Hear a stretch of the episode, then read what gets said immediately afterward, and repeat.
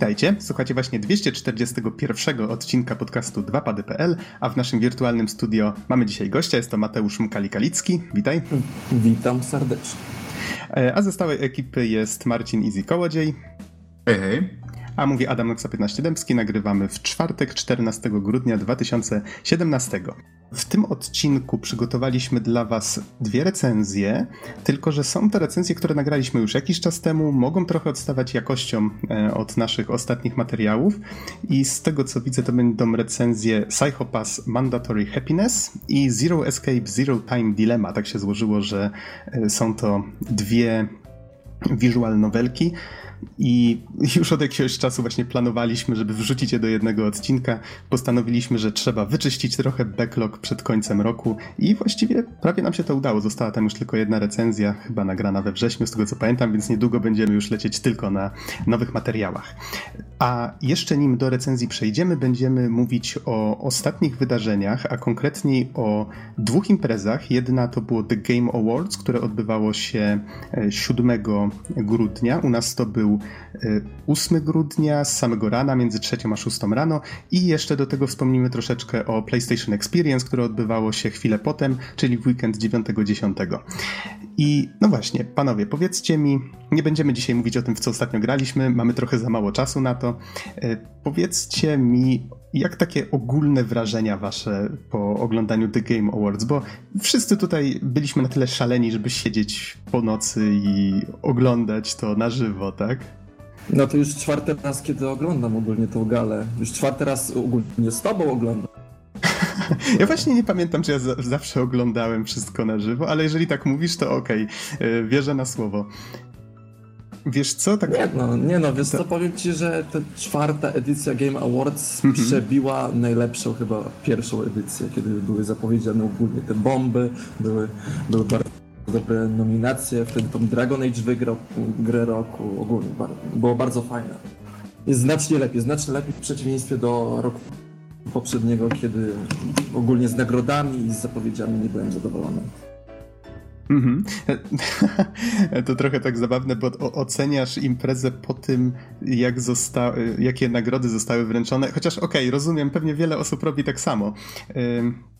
Niemniej, e, może właśnie zwróćmy uwagę tutaj na jedną rzecz. Ta impreza zaczęła od, została stworzona przez Jeffa e, Killiego, który wcześniej już tworzył, prowadził tego typu e, imprezy. To było bodajże VGA, Video Game Awards, potem chyba to XGA się nazywa. Nie pamiętam dokładnie, ale to zmieniało nazwy, zmieniało organizację. O, VGX, dokładnie.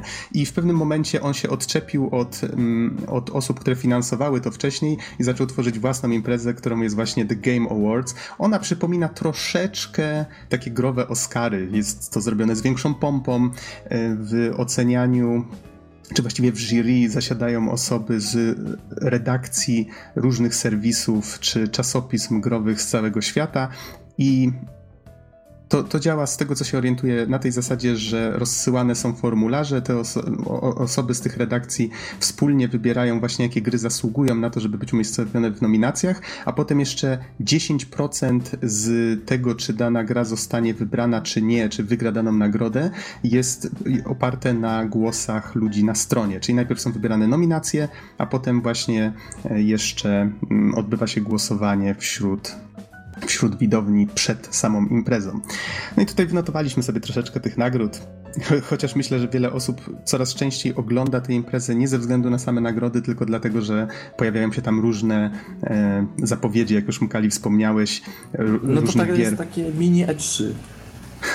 Mini 3. No można tak, to, można tak to też ująć. Coraz lepsze, trzeba przyznać, te zapowiedzi się e, pojawiają i faktycznie w tym roku było kilka fajnych, mm, fajnych niespodzianek. Okej, okay, to może przejdźmy do tych nagród. Easy, ty jeszcze nie miałeś okazji za mocno się poodzywać, to, to powiedz mi, czy chciałbyś wspomnieć o jakichś konkretnych nagrodach, bo chyba wszystkich nie będziemy wymieniać. E, to znaczy, wiesz co, ja jeszcze odniosę się do tego, że mhm. było bardzo dużo, bardzo dużo zapowiedzi, co nie? E, w ostatnich wywiadach właśnie twórca Video Game Awards wypowiadał się, że to nie tak powinno wyglądać, że poszli z tym za daleko, że właśnie zamiast gali, gdzie powinno się honorować nagradzać wspaniałe gry, które wyszły danego roku, właśnie zrobiła się impreza, na którą ludzie głównie czekają, żeby zobaczyć zapowiedzi. Więc całkiem możliwe, że się to będzie zmieniać w najbliższych latach. I chyba, chyba mam nadzieję, że rzeczywiście tak będzie, bo Spoko. Z jednej strony rozumiem, że to jest świetne miejsce, żeby się zareklamować z nowymi tytułami, ale z drugiej strony rzeczywiście to trochę te nagrody tracą na znaczeniu. Mhm. No tak, to też można tak na to faktycznie patrzeć. Mm, tutaj może jedną y, taką uwagę jeszcze dam. Ja raczej podchodzę dość sceptycznie do tego typu nagród, ze względu na to, że one starają się, jakby na to nie patrzeć, być mm, opiniotwórcze, a może może po prostu skala tego wydarzenia sprawia, że, że, że to tak wygląda. Mm, niemniej Czytałem w tym roku faku na stronie różne zadawane najczęściej pytania i odpowiedzi i kilka kwestii tam mnie bardzo zainteresowało, w sensie nawet podbudowało troszeczkę, bo było tam właśnie powiedziane, że nie trzeba nic płacić, żeby być nominowanym, po prostu każda gra, która się ukaże przed konkretnym terminem w roku może zostać nominowana, e, czy właśnie to, że nikt właściwie poza tam jakąś ścisłą grupą osób nie wie, jakie gry zostały nominowane, e, czy, czy które wygrały właściwie, o, które wygrały do pewnego tam momentu. I no trzeba przyznać, okej, okay, to to były bardzo dobrze spisane te, te odpowiedzi, to wszystko miało sens, ręce i nogi. I już Sprawiedliwie. tak, dokładnie. I już pierwsza nagroda, którą wręczyli na tej gali za Trending Gamer, została wręczona w taki sposób, że osoba, która miała dostać tę nagrodę, stała tuż obok e, Jeffa w momencie, jak on czytał, kto wygrał. I tak. Ach, całe to faku poszło do kosza już na samym początku. Znaczy, tak może trochę przesadzam, może to było tylko tak w tym jednym przypadku czy coś, ale, ale rzuciło mi się Powiem to jednak. Ci, że miałem podobne odczucia. tak, bo to i nagrodę dla najbardziej trending gamera zdobywa i akurat może powiemy, dostał ją Dr. Disrespect. Ja akurat się nie, nie orientuję zbytnio w YouTube'owej scenie. Ale... Nie mam pojęcia również. ja też nie. Ja miałem nadzieję naprawdę, mm -hmm. że nagrodę zgarnie Half Coordinated, dlatego, bo naprawdę to, co Half Coordinated wyczynia ze speedrunami, to, to jest magia.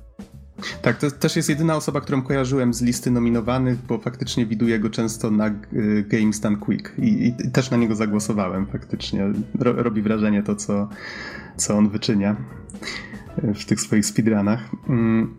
Okej, okay, to może przejdźmy dalej, żeby troszeczkę pobudzić. Widzę, że podkreśliliście nagrodę między innymi za Best Score Music. To chyba tym Kali. No ja jak? Nie mogę to, to, może po, to może powiedz w takim razie, kto wygrał. No ogólnie Nier Automata muzycznie wymiata, więc będę to powtarzał wielokrotnie przez kilka lat. Pewnie na pogrzebie będzie nawet muzyka z Nier Automata u mnie leciała. Więc... Widzę, że zaplanowałeś wszystko bardzo do przodu. Tak, tak. E, easy, a ty jakieś nagrody tutaj może chciałbyś wspomnieć o paru? E, wiesz co, ogólnie, e, ogólnie ja tak oglądałem i z naprawdę lwią częścią nagród jakoś nie, nie podpasowały mi po prostu. Nie tak jak mogę się zgodzić na pewno, że y, bez Family Game to Super Mario Odyssey, to jak najbardziej po prostu podpisuje się obiema rękoma. Tak samo nagroda dla Fakera się należy, w sensie Fakera, członka drużyny SK Telecom One, dostał nagrodę jako Best Esports Player. To jak najbardziej. Plus do tego nagrody zgarnięte przez y, Hellblade Senua's Sacrifice to chyba były nawet trzy kategorie z tego co pamiętam. Game for Impact, mm-hmm. Best Audio Design jak najbardziej i do tego jeszcze Melina Jergens, y, która grała Senue. Co swoją drogą jest bardzo interesujące, dlatego, bo ona nawet nie jest aktorką, tylko była. Ona jest animatorką w Ninja Theory. Chyba video editorem, z tego co pamiętam. No ale, ale, ale tak, ważne, co jest ciekawe, sama to powiedziała w momencie, jak dostała tę nagrodę, to właśnie wzruszona powiedziała, że to, to jest o tyle wyjątkowe dla niej, że, że ona nie, nie zajmuje się fachowo aktorstwem, tak? No ale nagroda była za best performance. Tak, tak. I rzeczywiście to było naprawdę no, zagrajcie po prostu w Hellblade'a. tak, no, jest, no jest u mnie w backlogu. odsyłamy do naszej recenzji. E, zdziwiło mnie troszkę, znaczy zdziwiło, no cieszyłem się, że Best Handheld Game dostało Metroid Samus Returns, ale jak zwykle mam wrażenie, że powtarzam to co roku, że jakby te, te, te nominacje do gier na handheldy były dobrane tak bardzo niedbale. To znaczy, aż nie chce mi się wierzyć, że nic poza Metroidem nie wyszło takiego ciekawego. Tam pozostałe gry to były raczej takie no nie wiem No, miałeś to chyba port z Wii U, więc... No, no może, w każdym razie... Średnio. W każdym razie to, to, jest właśnie to, o czym mówię, że te nagrody, ze względu na to, jak one, jaką skalą ta impreza się już zaczyna cieszyć, to każdy coś tam znajdzie takiego, że będzie kręcił na to nosem, tak? Myślę, że nie powinno się aż tak na to, na to patrzeć. Liczy się subiektywna opinia po prostu tak jak, o, właśnie, tak jak Yokotaro ujął, jak e, fani powiedzieli, że hej, Nier Automaty nie ma wśród nominacji na grę roku, tak? A on odpowiedział, że najważniejsze, że w waszych sercach Nier Automata jest grą roku, czy coś takiego, czy w waszej głowie. No, jak to Yokotaro, ale no, dużo... Wspaniale to ujął. Wspaniale to ujął, dużo w tym prawdy. Okej, okay, co tu jeszcze jest? Best, Best RPG. Best RPG. Tak, Persona piąteczka została wyróżniona w ten sposób. Pojawiała się też w innych y, miejscach, czyli na przykład nominowana była do gry roku. Ym, Best Action Game Wolfenstein 2, myślę, że też całkiem zasłużenie. Gram w niego cały czas i im dłużej w niego gram, tym bardziej mi się podoba. Naprawdę jest odjechany, chyba nawet bardziej niż jedynka pod wieloma względami. Y, nie, nie, pamiętam, czy już wspominaliście Best VR Game to Resident Evil 7. No i może przejdźmy już do tej najważniejszej nagrody, czyli Game of the Year zdobyło The Legend of Zelda Breath of the Wild, a wśród nominacji był jeszcze Mario, była, mm, była Persona 5, był chyba Horizon, który w ogóle w nominacjach pojawiał się bardzo często, a nie pamiętam, czy zgarnął jakąś nagrodę. Zaraz sprawdzę, jak coś. Okej, okay, okej. Okay. E, I sprawdź przy okazji, czy jeszcze jakieś gry nie wymieniłem. Było chyba pięć nominacji do, do gry roku. A, chyba jeszcze był e, Player Unknown's um, Battleground. Mam nadzieję, że nie przekręciłem nazwy, mój Boże, PUBG w każdym razie znany i kochany przez wiele osób. I może jeszcze warto wspomnieć o jednej rzeczy, o której wspominamy właściwie co roku, czyli Industry Icon Awards, czyli nagroda dla ikony y, branży i w tym roku tę nagrodę dostała Carol Show. Y, może Kali, może ty możesz nam powiedzieć coś więcej, dlaczego została wyróżniona taką nagrodą i może przypomnij, jakie jeszcze wcześniej osoby dostawały tę nagrodę, tak dla porównania.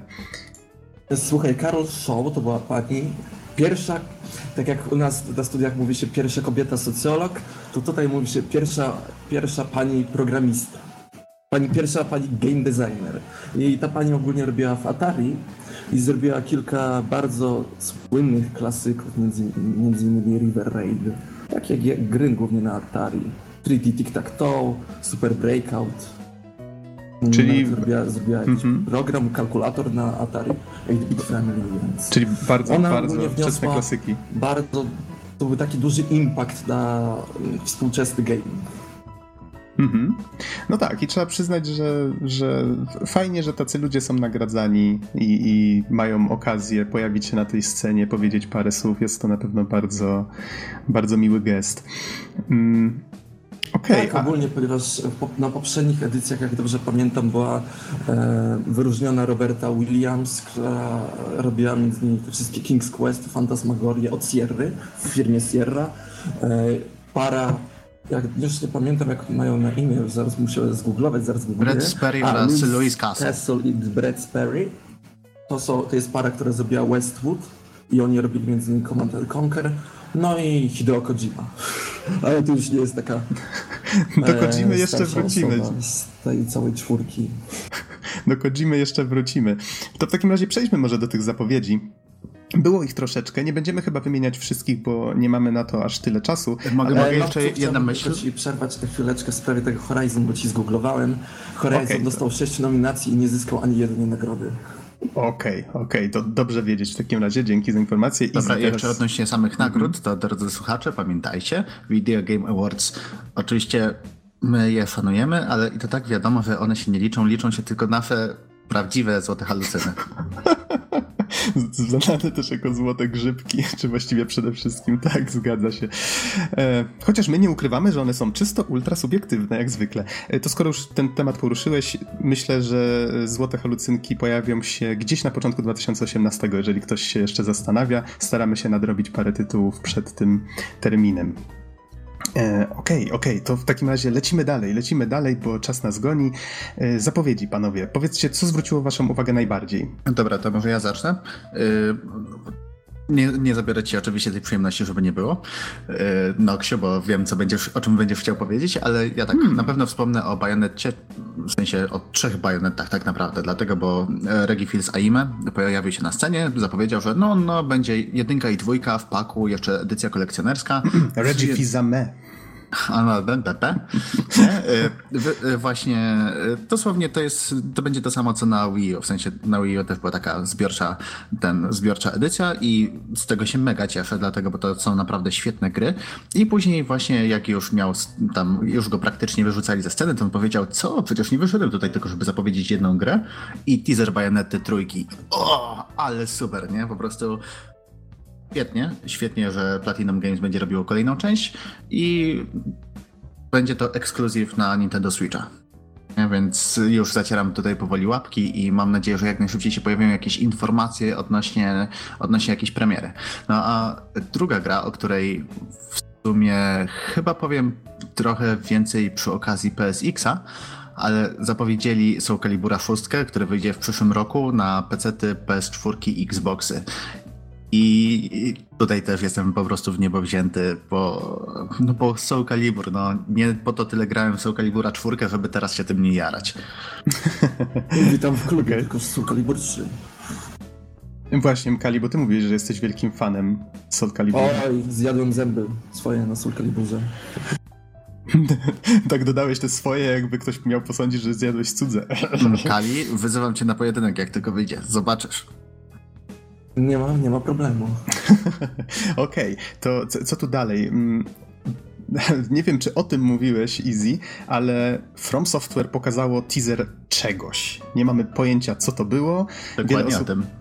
Okej, okay. wiele osób podejrzewa, że to był Bloodborne 2, choć szczerze mówiąc nie jestem taki przekonany, bo po tym co mówili wcześniej, że e, chcą trochę odejść od tej formuły, spróbować czegoś nowego, raczej bym podejrzewał, że to może być coś zupełnie nowego, ale pokazali za mało, żeby mówić tutaj o jakichś konkretach, więc może Ogólnie nie... poczytałem w sprawie tego Bloodborne 2 Aha. i From Software e, prawdopodobnie robi reboot jednych z dwóch bardzo starych marek już zapomnianych i to będzie albo Otogi, jeżeli kojarzycie Otogi, takie gry, które wyszły na pierwszego Xboxa, bądź Tenchu i jest bardzo dużo skazówek. Już IGN zrobił godzinną, e, godzinny e, filmik w sprawie szczegółów ogólnie tego teasera i prawdopodobnie może być tęczy. Hmm. Bardzo, bardzo chciałbym, żeby to było tęczy osobiście. Okej, okay, czyli to są już jakieś konkretniejsze informacje, dzięki Mkali.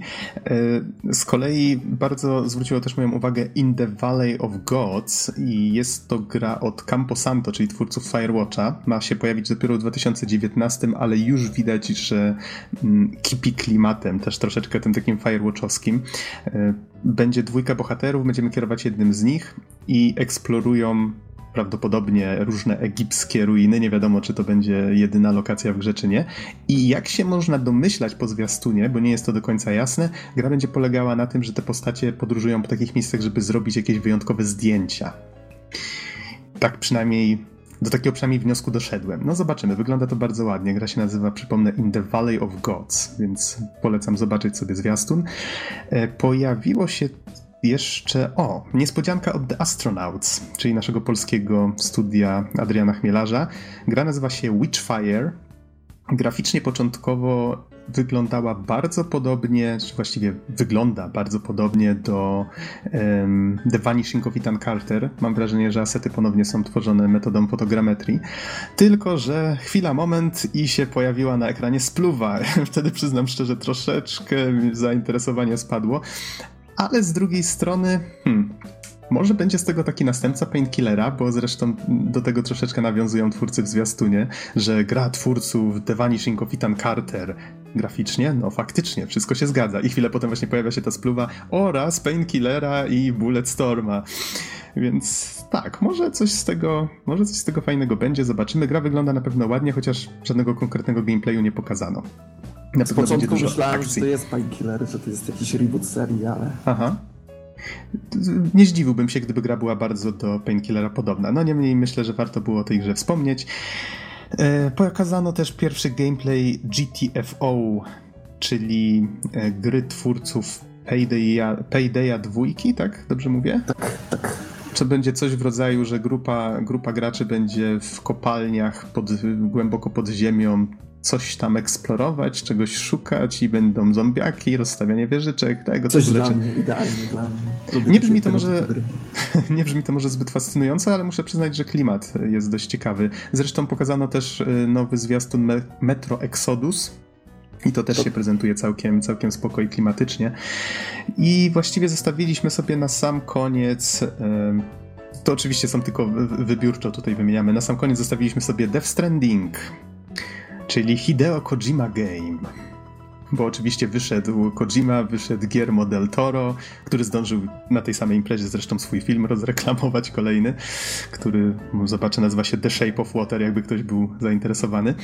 Y, no i pokazali nowy, nowy zwiastun Death Stranding, który trwa, z tego co pamiętam, dobre 8 minut. minut.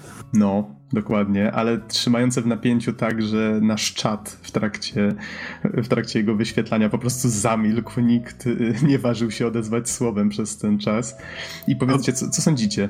E, to znaczy, to jest mniej więcej takie, chyba na Reddicie ktoś tak właśnie fajnie skomentował, że e, Sony poprosiło właśnie Kojima, żeby on pokazał coś o, o swojej grze, nie? I właśnie, no, e, Kojima-san, czy mógłbyś nam powiedzieć, po, powiedzieć coś więcej o fabule? Kojima, tak. A potem pokazuje ten, ten trailer i nikt dalej nic nie wie, co się dzieje, nikt nie wie, jak ta gra będzie wyglądać, ale wszyscy po prostu mają taki hype, nie? Wsiadają na hype train i odjeżdżają już daleko, dlatego, bo no nie oszukujmy się, Kojima jest osobą, która potrafi kręcić hype i co więcej, nawet y, akurat przy okazji samego PlayStation Experience y, powiedział trochę więcej na temat samego gameplayu, powiedzmy, że powiedział.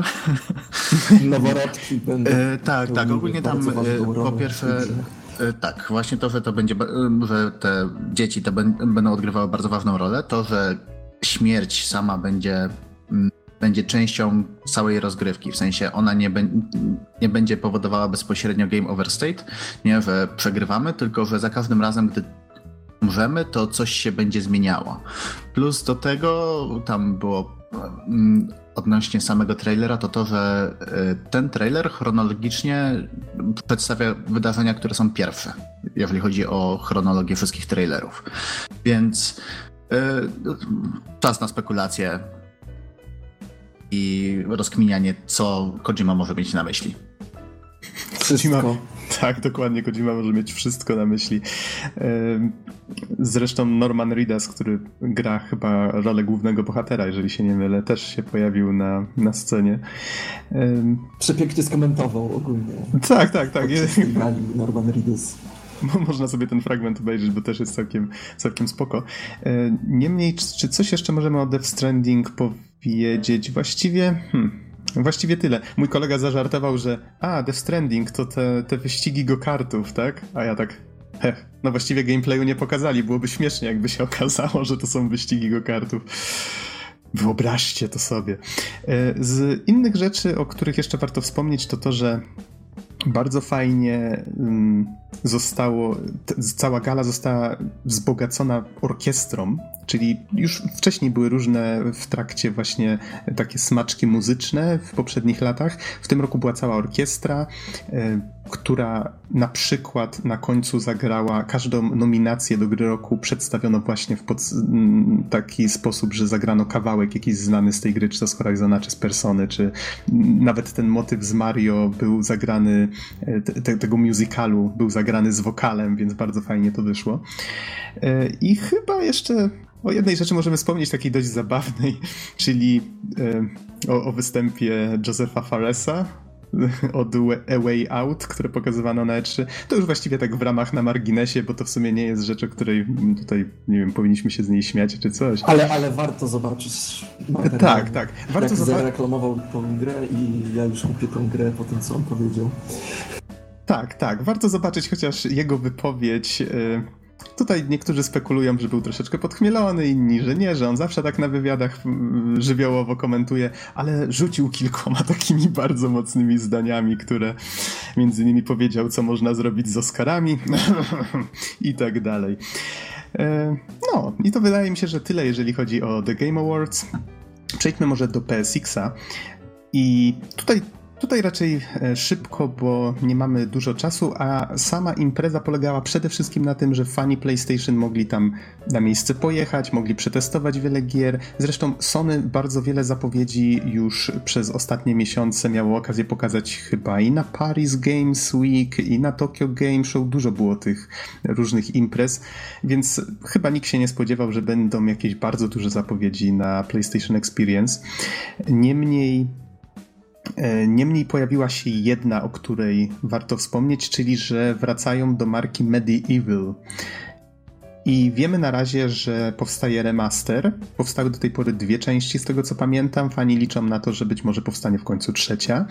E, zapowiedziano też to, że na e, PSN 12 grudnia, czyli dwa dni temu właściwie, e, pojawiło się demko The Last Guardian VR Experience i jest to darmowa rzecz, niedługa, bo na 15-20 minut.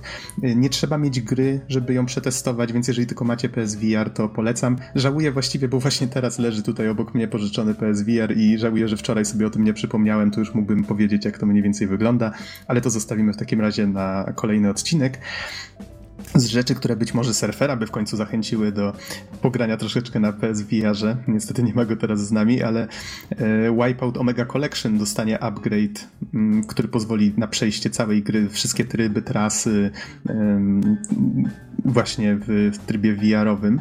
I wygląda to tak, że jesteśmy w kabinie tych, tych pojazdów i i jakieś tam właśnie ekskluzywne dla tego trybu elementy, czy to właśnie wygląd y, z wnętrza, widok i tego typu rzeczy tam też się znajdą. I to ma się pojawić we wczesnym 2018.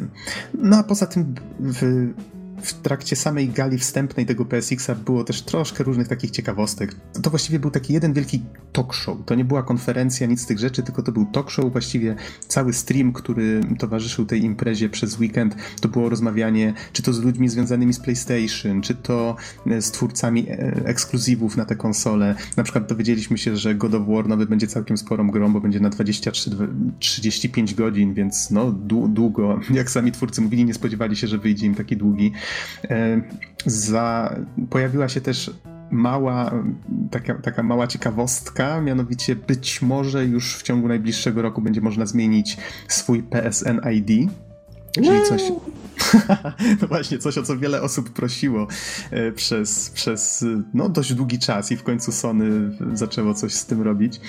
E, a tak poza tym to w trakcie streamu pojawiło się dużo, dużo różnych gier. Polecam zajrzeć na kanał PlayStation na YouTubie i po prostu sobie mm, wyszukać filmiki po haśle PSX 2017 i z takich rzeczy, które tam znalazłem, ale mam wrażenie, że one już były wcześniej reklamowane, czyli na przykład gra Vane, która znalazłem jej zwiastun sprzed roku też z PSX-a, więc domyślam się, że nie jest to nic nowego, ale ma się pojawić już w 2018 na PC i PS4 Wygląda bardzo klimatycznie zresztą, taki troszeczkę um, połączenie Journey z Dark Souls, tak troszkę mi to wyglądało, w sensie taka bardziej ponura um, Journey, gdzie twórcy nie chcą nas trzymać za rękę, będziemy mieć wolność eksploracji, wszystko jest takie dość klimatyczne, poruszamy się dzieckiem, które potrafi się zamieniać na przykład w, e, w ptaka i możemy w ten sposób podróżować po czy to jakichś wielkich grotach, czy po pustyni, Podobało mi się to, naprawdę fajnie to wygląda. Czy jeżeli ktoś lubi na przykład pixel art czy platformówki z otwartym światem, to Iconoclasts i ikonoklaści, to chyba można by przetłumaczyć. E, to ma wyjść z kolei na Windowsa, Maca, PS4 i Vita 23 stycznia i muszę przyznać, wygląda to naprawdę bardzo, bardzo fajnie. Podoba mi się i ten kreskówkowy, pixelartowy styl i, i, i właśnie sposób, w jaki ta gra jest animowana. N naprawdę fajnie. Myślę, fajnie to wygląda i myślę, że fani old schoolu powinni się tym zainteresować, czyli Vane, Iconoclasts, no i tutaj ten The Last Guardian Wipeout, o tym już wspominaliśmy i myślę, że Medieval to jest chyba taka największa niespodzianka y, PSX-a. O reszcie tak. może już nie będziemy wspominać, chyba, że macie... No, no, no. Nie tak szybko. Nie, to znaczy ja na pewno chcę wspomnieć o tym, że jeżeli ktoś chce posłuchać tro trochę więcej, niestety nie zobaczyć, nie? Tylko, tylko posłuchać, to są panele dyskusyjne na przykład na temat The Last of Us Part 2 yy, oraz yy, niestety miałem nadzieję, nadzieję, że Sucker Punch trochę coś pokażę, ale jest też tylko panel dyskusyjny, żadnego gameplayu Ghost of Tsushima, które zostało pokazane na Paris Games Week. Yy, oprócz tego z takich yy, z rzeczy, które mogę polecić, to zapowiedzieli w końcu europejską i amerykańską wersję yy, DJ Max Respect które już wyszło w Azji jakiś czas temu, w sumie nawet ograłem i to jest powrót do starego, dobrego DJ Maxa. I, i, i, no i ten Soul Calibur 6, nie? To, co chciałem powiedzieć właśnie, że też jest chyba 15 minut gameplayu mieszanego z wywiadem z lead designerem i już teraz widać, że tak, po pierwsze Soul Calibur 6 to będzie prequel, więc jest moda Sofitia, jest mody Mitsurugi. Na razie tylko tyle wiemy z postaci, nic więcej, dlatego, bo nie chcą nam psuć zabawy. Oprócz tego wspomniano o nowej mechanice, to się chyba nazywa Revenge Critical Art lub jakoś tak. Okej, okay, nie jest Przy, Przypomina mi to trochę coś z Tekena. Mam wrażenie, że tam yy, nawet podobnie... Rage z Tekena. Yy, nie, to nie są Rage Arty z Tekena, nie? dlatego, bo to jest po prostu tak, jak mieliśmy Guard Impacty, to to jest specjalny rodzaj Guard Impacta, który ma zawężony czas działania i później jest klaw, nie? W sensie y, obaj gracze przyciskają, przyciskają przycisk i w papier kamień nożyce praktycznie, tak, tylko takie papier kamień nożyce na, na sterydach. Okej, okay, mam wrażenie, że striggerowaliśmy z jego. okay. Dawaj, dawaj więcej. Y, I, I to, co bardzo ważne zostało powiedziane właśnie podczas, podczas tego wywiadu, to to, że chcą tak jakby połączyć Soul Calibura 2 i Soul Calibura 5, nie? Dwójkę, jeżeli chodzi o szybkość i samą dynamikę rozgrywki, bo rzeczywiście dwójka to był jeden z takich naj, z najszybszych Soul Caliburów, jaki wyszedł do tej pory, a z drugiej strony piątka była naprawdę świetnie zbalansowana, nie? I o tym się aż tak bardzo nie mówi, dlatego, bo bardzo dużo ludzi się skupiło na zmianach w mechanice, które mi się osobiście podobały. No, ale bądź co będzie, jeżeli rzeczywiście uda im się doprowadzić do tego, że będzie bardzo dynamiczna rozgrywka, co, na co się już zapowiada i do tego będą zbalansowane postacie i będzie różnorodność bez różnorodność postaci bez Y, powtarzania mechanik, nie? W sensie, tak jak mieliśmy oczywiście Sofitia Pyra, tam Cassandra w Soul Caliburze 5, no to one się tam, trochę ich style się pokrywają, co nie? Więc jeżeli po prostu y, te kopie postaci zniwelują i rzeczywiście uda im się zrobić to, co obiecują, to jaram się niesamowicie.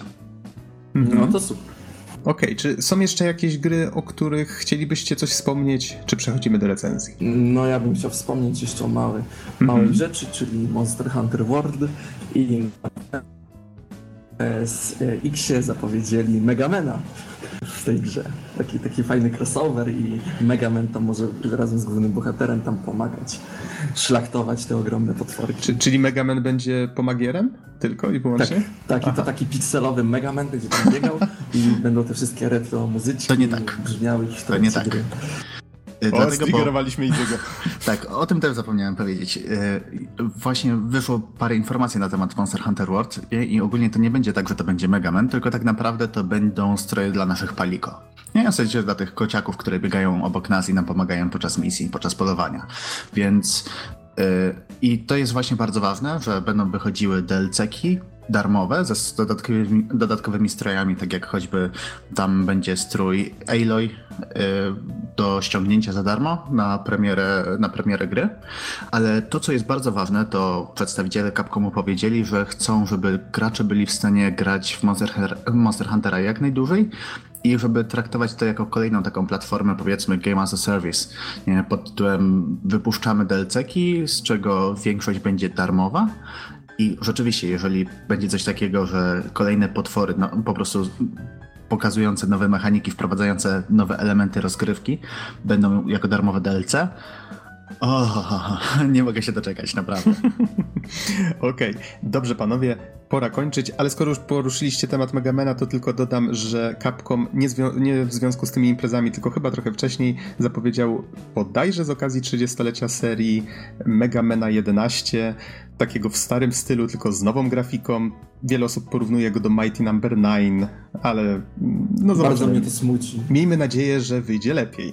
E, I to chyba tyle, więc na temat The Game Awards i PSX 2017 Zachęcamy w takim bądź razie do odsłuchania dwóch recenzji naszych i będą to recenzje Psychopass Mandatory Happiness i Zero Escape Zero Time Dilemma.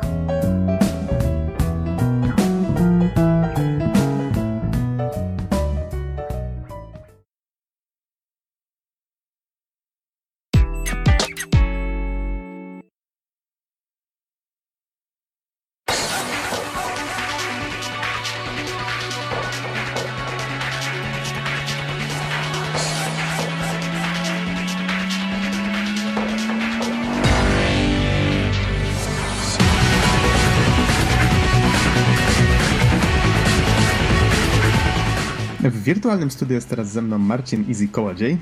Cześć. A mówi Adam Noxa 15 Dębski. Nagrywamy w niedzielę 8 stycznia 2017. I będziemy teraz recenzować grę, która się nazywa Psychopass Mandatory Happiness, chociaż właściwie nie jestem pewien, czy powinniśmy mówić, że to jest tak wprost gra.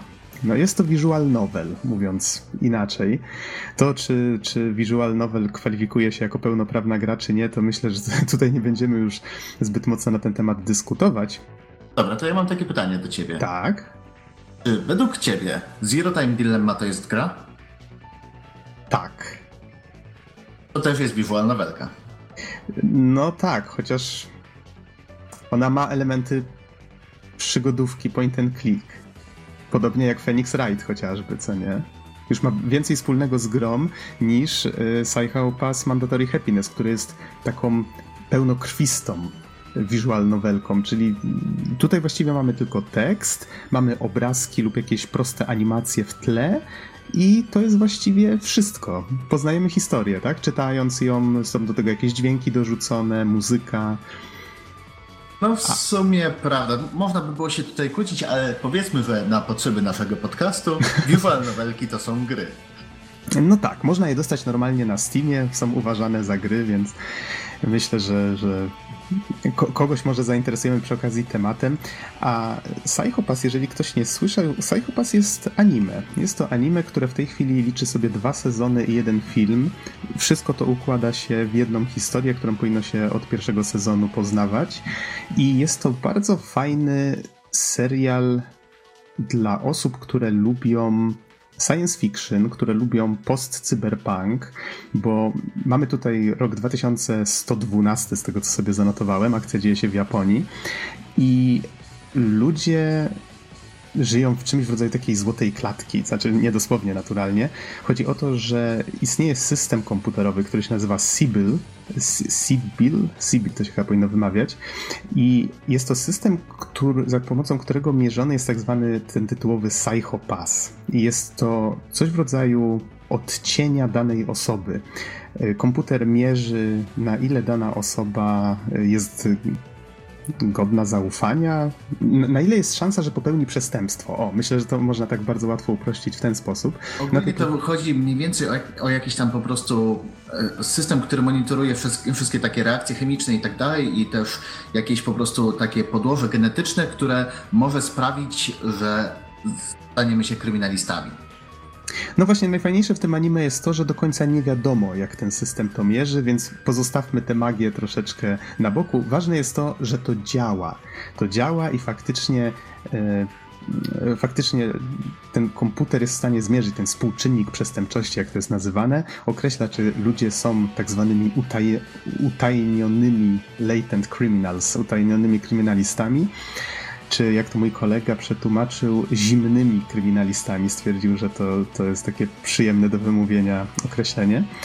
E, I mamy tutaj do czynienia z takim społeczeństwem wychowanym właściwie bez stresu, czyli e, mamy kontrolę mediów, mamy cenzurę kultury, e, ciągły kontakt z lekami, które poprawiają tę barwę, ten, ten psychopas. Nie zapominajmy jeszcze o kontroli społeczeństwa właśnie przez zmierzenie psychopasu, dlatego bo w anime tam jest trochę więcej wytłumaczone, ale na przykład ludzie, którzy za młodo wykazują jakieś tendencje do zostania kryminalistami, mogą zostać poddani przymusowej resocjalizacji i po prostu nigdy nie zdobędą pracy w sektorze publicznym. E, po prostu całe ich życie jest podyktowane tym, jak oceni ich system i nie mają na to wpływu. Tak, zgadza się. I jeszcze nawet ci ludzie, którzy mogą normalnie funkcjonować w społeczeństwie, są uznawani za tych pełnoprawnych obywateli. Nawet oni nauczyli się już, że e, nie muszą podejmować pewnych decyzji, że to system podejmuje te decyzje za nich, czyli na przykład jakiej pracy się powinni podjąć, bo mają do niej predyspozycje, czy nawet e, w, drugim sezonie mm, była podana informacja, że system zaczął sugerować, kto powinien, kto jest odpowiednim partnerem dla danej osoby i tak dalej, czyli jakby Sybil staje się coraz bardziej taką wyrocznią społeczeństwa. I właśnie to, co jest fajne w tym anime, to to, że dla nas, z naszej perspektywy, to jest dystopijna przyszłość, ale my na to patrzymy i my, my widzimy, że ten system, on działa. Czyli ci ludzie nauczyli się współżyć z tym systemem. Faktycznie on dla tego społeczeństwa japońskiego z, z tego serialu, yy, on się sprawdza. Tak? Mamy tutaj postacie, które faktycznie patrzą na to trochę bardziej jak na taką dystopijną rzeczywistość. Są postacie, które patrzą na to jak na system, który się przysłużył e, krajowi. I, I, właśnie fajnie, że twórcy podeszli do tego tak, że widz sam może sobie ocenić, co on o tym sądzi. Tak, właśnie nic nie jest przedstawione po prostu albo czarne, albo białe. Mamy całe spektrum szarości pomiędzy i sami musimy stwierdzić, czy rzeczywiście taka wizja świata by, nam pasowała. No właśnie. E, a teraz może przejdźmy do, e, do naszych bohaterów, czyli do MWPSB, dość skomplikowany skrót, który się rozwija jako Ministry of Welfare Public Safety Bureau Criminal Investigation Department, co przetłumaczyłem sobie w notatkach jako, to jest autorskie tłumaczenie, Kryminalny Oddział Śledczy Biura Bezpieczeństwa Publicznego Ministerstwa Opieki. I można to bardzo łatwo, y, można to myślę bardzo łatwo uprościć do tego, że jest to oddział policji, która zajmuje się utrzymywaniem porządku w tym idealnym, w cudzysłowie, społeczeństwie. No bo zawsze może się zdarzyć, że komuś powiedzmy pogorszy się barwa, tak? Nagle zacznie mieć nieczyste myśli w rodzaju, że będzie myślał o popełnieniu przestępstwa albo zamordowaniu na przykład swojego sąsiada, cokolwiek. Skanery to wykryją, policja jest o tym informowana i zaczynają za pomocą takich specjalnych pistoletów, które się nazywają dominatory. Jest to broń, którą celują w cel i w momencie, kiedy E, Sibyl połączona właśnie z tym, e, z tą bronią, to komputer decyduje o tym, czy cel ma zostać postrzelony. I wtedy to komputer odblokowuje zabezpieczenie na broni, odblokowuje albo paralizator, jeżeli cel nie stwarza wielkiego zagrożenia, albo od razu y, przechodzi w tryb eliminacji, który no może tutaj twórcy anime trochę przesadzili, ale jest dość efektowny, mianowicie rozpl- powoduje rozpryśnięcie się celu na drobne kawałeczki, tak? Tak, coś tam, dekompozycja, bla, bla, bla, ale tak naprawdę to jest po prostu takie bardzo szybkie malowanie ścian na czerwono, tak w skrócie. Tak, tak, e, właściwie tak. Ale właśnie jeszcze to, co chciałbym zauważyć, to można by powiedzieć, że to jest trochę tajna policja, dlatego, bo oni tam w większości działają inkoguto, że tak powiem. I dopiero jak dopiero jak muszą wymierzyć wyrok, to, to wtedy powiedzmy, że się ujawniają.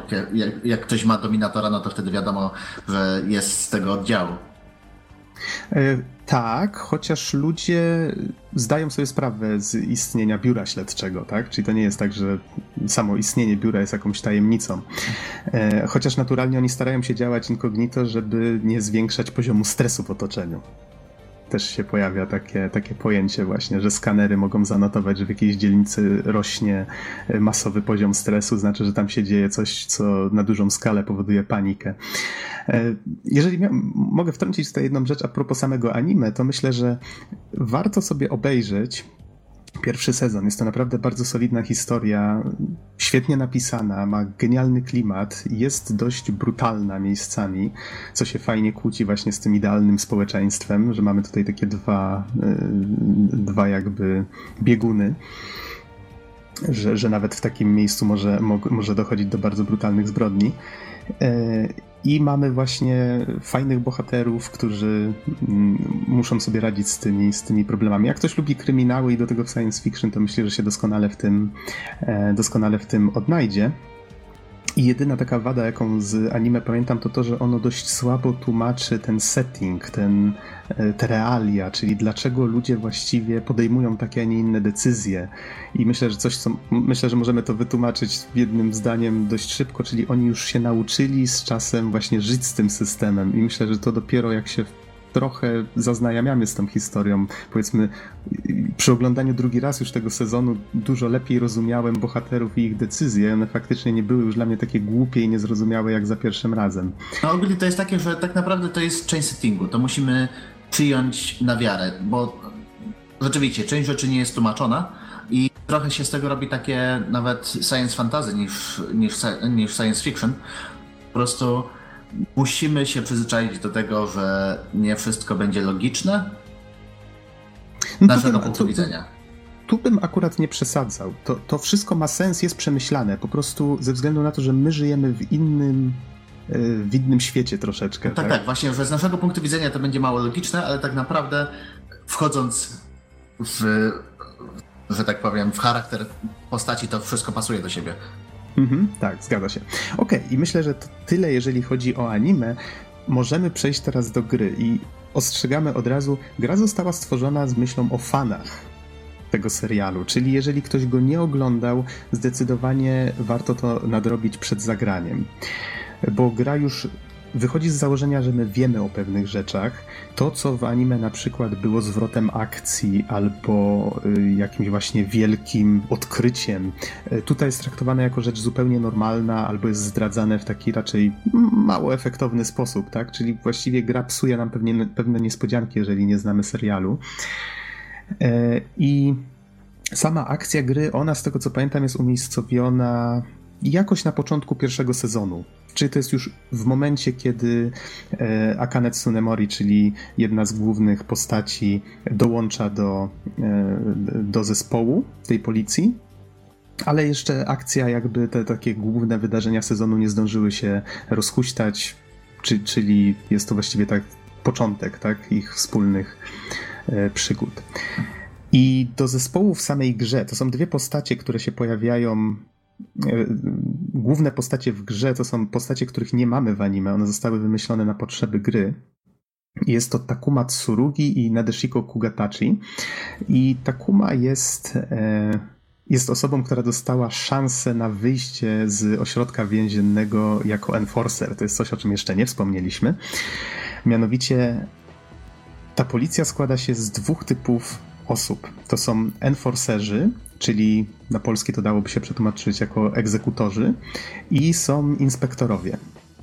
Inspektorowie to są osoby z czystą barwą psychopasa, a enforcerzy to osoby, które już przekroczyły ten próg, kiedy system uznał ich za, e, za tych zimnych przestępców, nazwijmy ich tak. Tak, ogólnie z, z, jednej strony mamy takie e, podejście do życia pod tytułem, że uczyłem się, szkoliłem się na inspektora i i dlatego się tutaj znalazłem, a z drugiej strony właśnie mamy powiedzmy byłych kryminalistów, którzy zostali wcieleni w służby no, głównie po to, żeby no nie oszukujmy się, żeby łapać innych przestępców, żeby po prostu wejść w ich, wejść w ich umysł i pomóc łapać innych. I Myślę, dzięki że temu najłatwiej... mają jakieś tam jakieś profity, prawda? No tak, muszą, y, enforcerzy muszą mieszkać w zamknięciu w tej siedzibie tego biura, nie mogą stamtąd wychodzić bez, e, bez towarzyszącego inspektora. Inspektorowie są ogólnie po to, żeby ich pilnować. I e, tak jak w dzisiejszych czasach na przykład inspektorowie, znaczy inspektorowie, policjanci muszą próbować myśleć jak przestępca, tak? Tak w tej rzeczywistości, gdyby próbowali to robić, istniałoby ryzyko, że wtedy ich barwa się zabrudzi po to właśnie mają e, enforcerów, żeby to oni za nich myśleli tak jak przestępcy, żeby, żeby inspektorowie mogli się skupić tylko na tym pilnowaniu e, enforcerów, którzy w pewnym sensie są tylko narzędziami w ich rękach. Co, coś w tym rodzaju. I mamy właśnie dwie postacie, które jedna jest enforcerem i to jest właśnie e, Takuma Tsurugi i jest pani inspektor Nadeshiko Kugatachi, to są postacie, które możemy wybrać sobie dowolną z nich na początku gry. Możemy. E, to, to sprawia, że poznajemy historię od zupełnie, zupełnie innego punktu widzenia i zmieniają się też pewne rzeczy. Czyli myślę, że warto tę grę przejść przynajmniej dwa razy właśnie po razie z każdą postacią, chociaż gra ma też wiele zakończeń. Ma też wiele zakończeń, wiele dla każdej postaci. Do tego w środku fabuły są jeszcze takie specjalne scenki, które odblokowuje się spełniając pewne, pewne warunki. One też mogą być różne za każdym razem. Mówiąc krótko, każda osoba grając może mieć zupełnie inną historię za pierwszym razem, tak, jak gra. To jest całkiem fajne, chociaż... To znaczy, to jest takie dosyć standardowe podejście tak naprawdę, jeżeli Do chodzi nowelek, o tak? novelki, tak. Na mhm. przykład jedną z bardziej znanych visual novelek jest Fate Stay Night, to tam jest to tak zrobione, że mamy praktycznie chyba trzy lub cztery ścieżki takie główne fabularne, wokół których się dzieją wydarzenia. Oczywiście wewnątrz nich też są jakieś tam pomniejsze, y, pomniejsze po prostu takie rozgałęzienia, ale mamy cztery główne linie fabularne. Więc tutaj to jest trochę podobnie. Mamy dwie główne linie fabularne właśnie w zależności od bohatera i po prostu nasze wybory, nasze decyzje, które podejmujemy tam po prostu w specjalnych momentach, wpływają na to, co się będzie działo później. Co prawda, -hmm, według mnie dokładnie. to jest ciężko wywnioskować na podstawie decyzji, jak to wpłynie na dalsze losy na naszych bohaterów. Tak, tak. W przypadku Psychopasa zdecydowanie. Zdecydowanie tak jest. Y, myślę, że jeszcze do tego przejdziemy, bo to, to jest akurat coś, no, o czym chciałem troszeczkę więcej powiedzieć. A wracając do naszych bohaterów. A, jeszcze wspomniałeś o jednej rzeczy, mianowicie, że y, przestępcy są tylko enforcerami. Pamiętajmy, że osoby, które teoretycznie nie popełniły jeszcze żadnego przestępstwa, też mogą zostać y, odseparowane od społeczeństwa. Przestępcy w sensie, w sensie takiego, w sensie psychopasa przestępcy, okay, czyli ktoś, okay. kto może zostać przestępcą. Zimny przestępca, może o, tak. używajmy tego sformułowania. Więc mamy zimnych przestępców i ciepłych przestępców. Okej, okej, okay, niech będzie. E, hmm. Dobrze, wracając do naszych bohaterów. Różnią się dość znacznie, bo y, Takuma, czy, czy nie pamiętam, czy oni mówili im po nazwisku, czy po imieniu? E, to znaczy, wydaje mi się, że mówili im po nazwisku w voice actingu, a w tekście może czasami po imieniu. Nie, nie jestem pewien, ale no, w każdym razie tutaj wspomniałeś o voice actingu, to myślę, że warto wspomnieć, że cała gra ma voice acting, tylko jest on japoński. Co więcej, to jest pełna obsada z anime, więc to jest kolejny plus, jeżeli, jeżeli ktoś oglądał i chce po prostu znowu posłuchać swoich ulubionych bohaterów, to to jest akurat świetne rozwiązanie. Tak, i jeszcze warto wspomnieć przy okazji, skoro już przy tym jesteśmy, że ci bohaterowie faktycznie są napisani tak, że fani, ja, jako fan czułem, że okej, okay, to jest ta postać, tak? Że nie wychodzą z roli, że nie ma tu jakichś takich głupstw, których by nie robili, albo zachowań, które do nich nie pasują, więc to jest całkiem, całkiem spoko. Widać, że to było tworzone we współpracy z, z twórcami oryginału. E, wracając do naszych postaci, mamy Takumę, który czy może Tsurugiego mówmy, Tsurugiego, który jest takim żywiołowym, optymistycznie nastawionym do świata facetem. E, jego główną motywacją jest to, że szuka swojej ukochanej z młodzieńczych lat, okej, okay. nie będziemy oceniać tutaj sztampowych postaci za mocno, bo faktycznie początkowo to, to wydaje się takie dość mocno sztampowe, bo z kolei Kugatachi, pani inspektor, jest osobą, która straciła pamięć w trakcie swoich treningów na inspektora i okej, okay, okej, okay. tak początek z tą grą nie był zbyt przyjemny, powiem tak, myślę myślałem, że, że fabularnie to, to się nie trzyma. No właśnie, coś takiego, że, że tak jak się oglądało Psychopasa i rzeczywiście od samego początku to są dosyć takie głębokie postacie, dobrze zarysowane, to tutaj na start po prostu dostajemy na twarz dwie klisze. I tak jak osobiście mi się bardziej podobała inspektor Kugatachi, a Tsurugi praktycznie przez cały czas trwania gry był takim Takim szanownym bohaterem. Tak, tak, tak. Na zasadzie, tak, uda nam się, tak, jesteśmy dobrzy, tak, oni są źli. Mm. Hmm. No, a z kolei, no, on dostał szansę wyjścia z tego więzienia, żeby stać się enforcerem.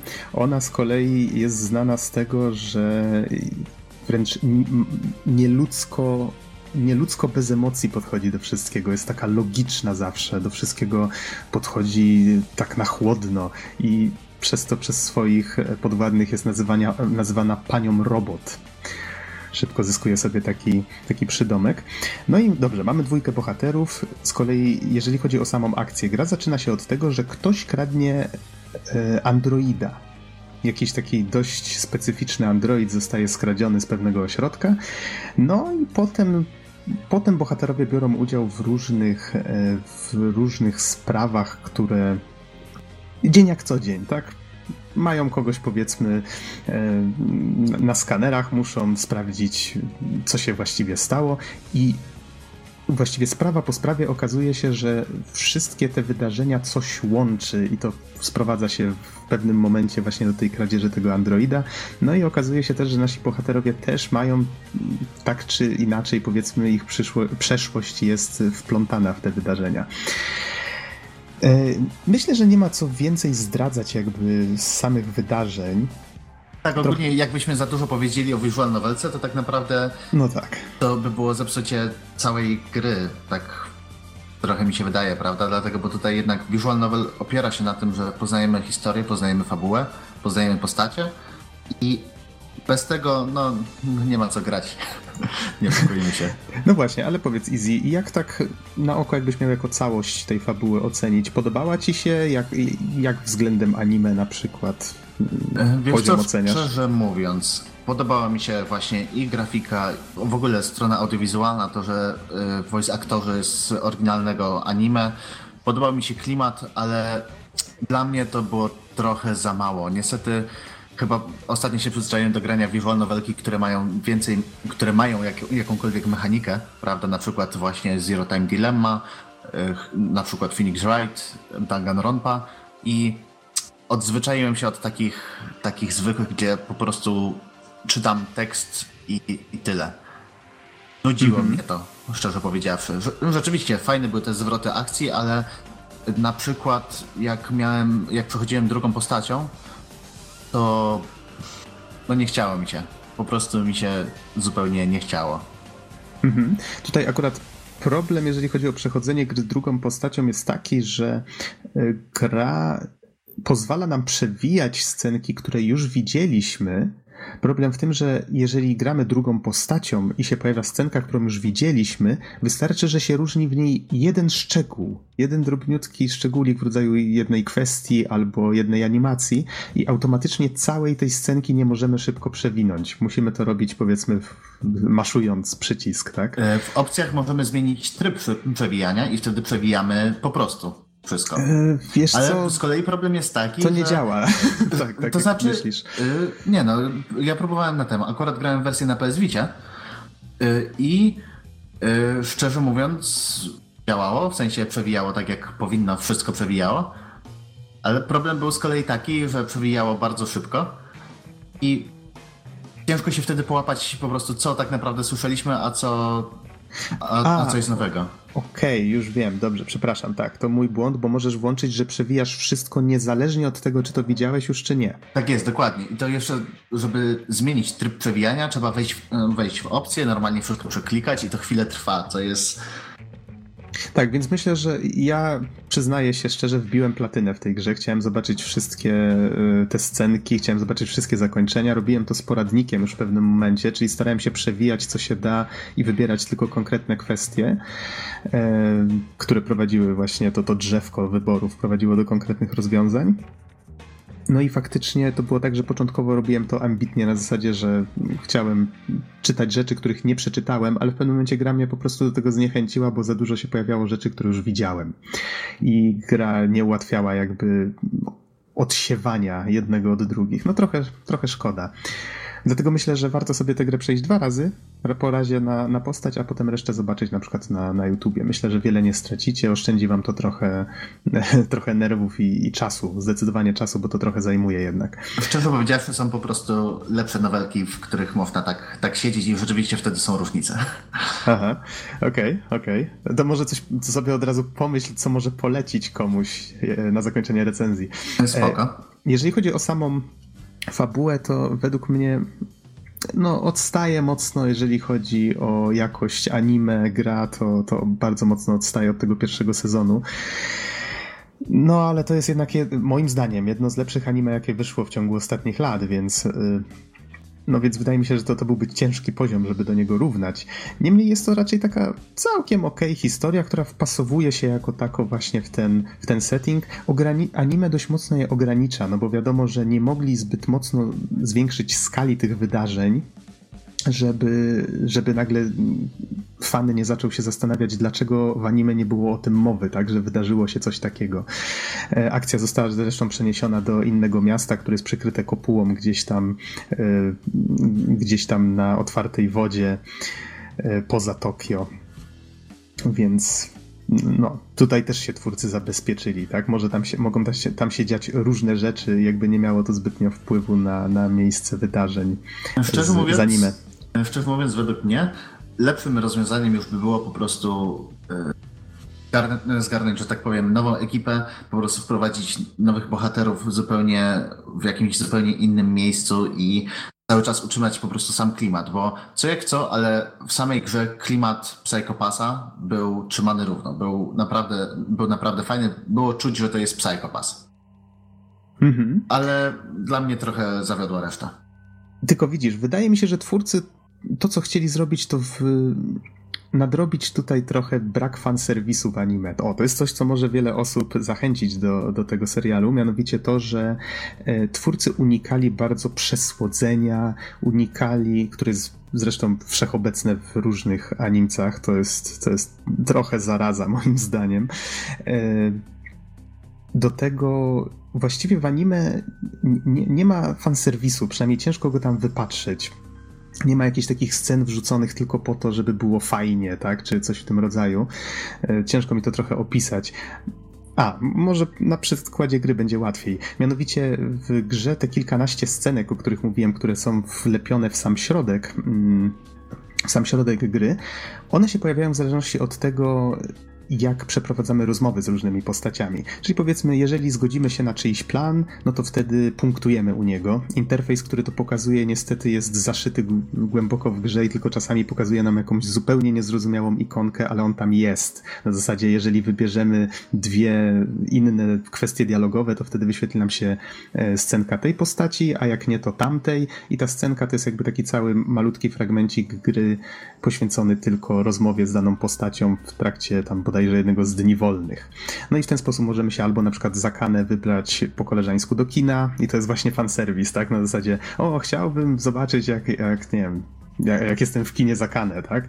Albo panie na pewno się ucieszą, bo będą mogły gołą klatę Kogamiego pooglądać na basenie. To, to jest właśnie fanserwis, tak? No i tego w anime nie było. Twórcy nadrabiają to w grze. Nie wszystkim musi się to podobać ale no, myślę, że ta gra głównie po to powstała właśnie, żeby, żeby sprzedać się fanom i dlatego tyle tego typu rzeczy tu, e, tutaj jest. No właśnie tak, jeszcze przy okazji wspomnę, skąd się pojawia tyle fanserwisu bardzo często.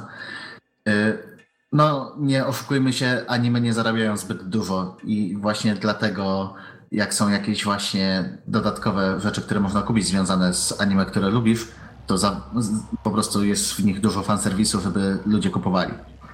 Wszystko się rozbija o pieniądze, tak naprawdę. Mm -hmm. Okej. Okay. Z innych rzeczy, które sobie a propos fabuły zanotowałem, to to, że brakowało mi tutaj charyzmatycznego antagonisty. Ale tutaj rozmawialiśmy, nie chcemy tutaj oczywiście za dużo zdradzać. E, jeżeli ktoś widział pierwszy sezon Psychopassa, to wie, że antagonista jest tam po prostu genialnie zarysowany. No i być może to podniosło bardzo moje oczekiwania, a tymczasem w Mandatory Happiness, no cóż, mocno mi tego zabrakło. Powiedzmy, że twórcy podeszli tutaj do tego w zupełnie inny sposób i też nie każdemu musi to podpasować. Ogólnie w anime antagonista jest mega charyzmatyczny i, jest super zarysowany, super głęboki. A w visual novelce antagonista jest na tym skończymy. tak, antagonista po prostu Wła- jest. Właśnie jest taki trochę, trochę, trochę bezpłciowy, no.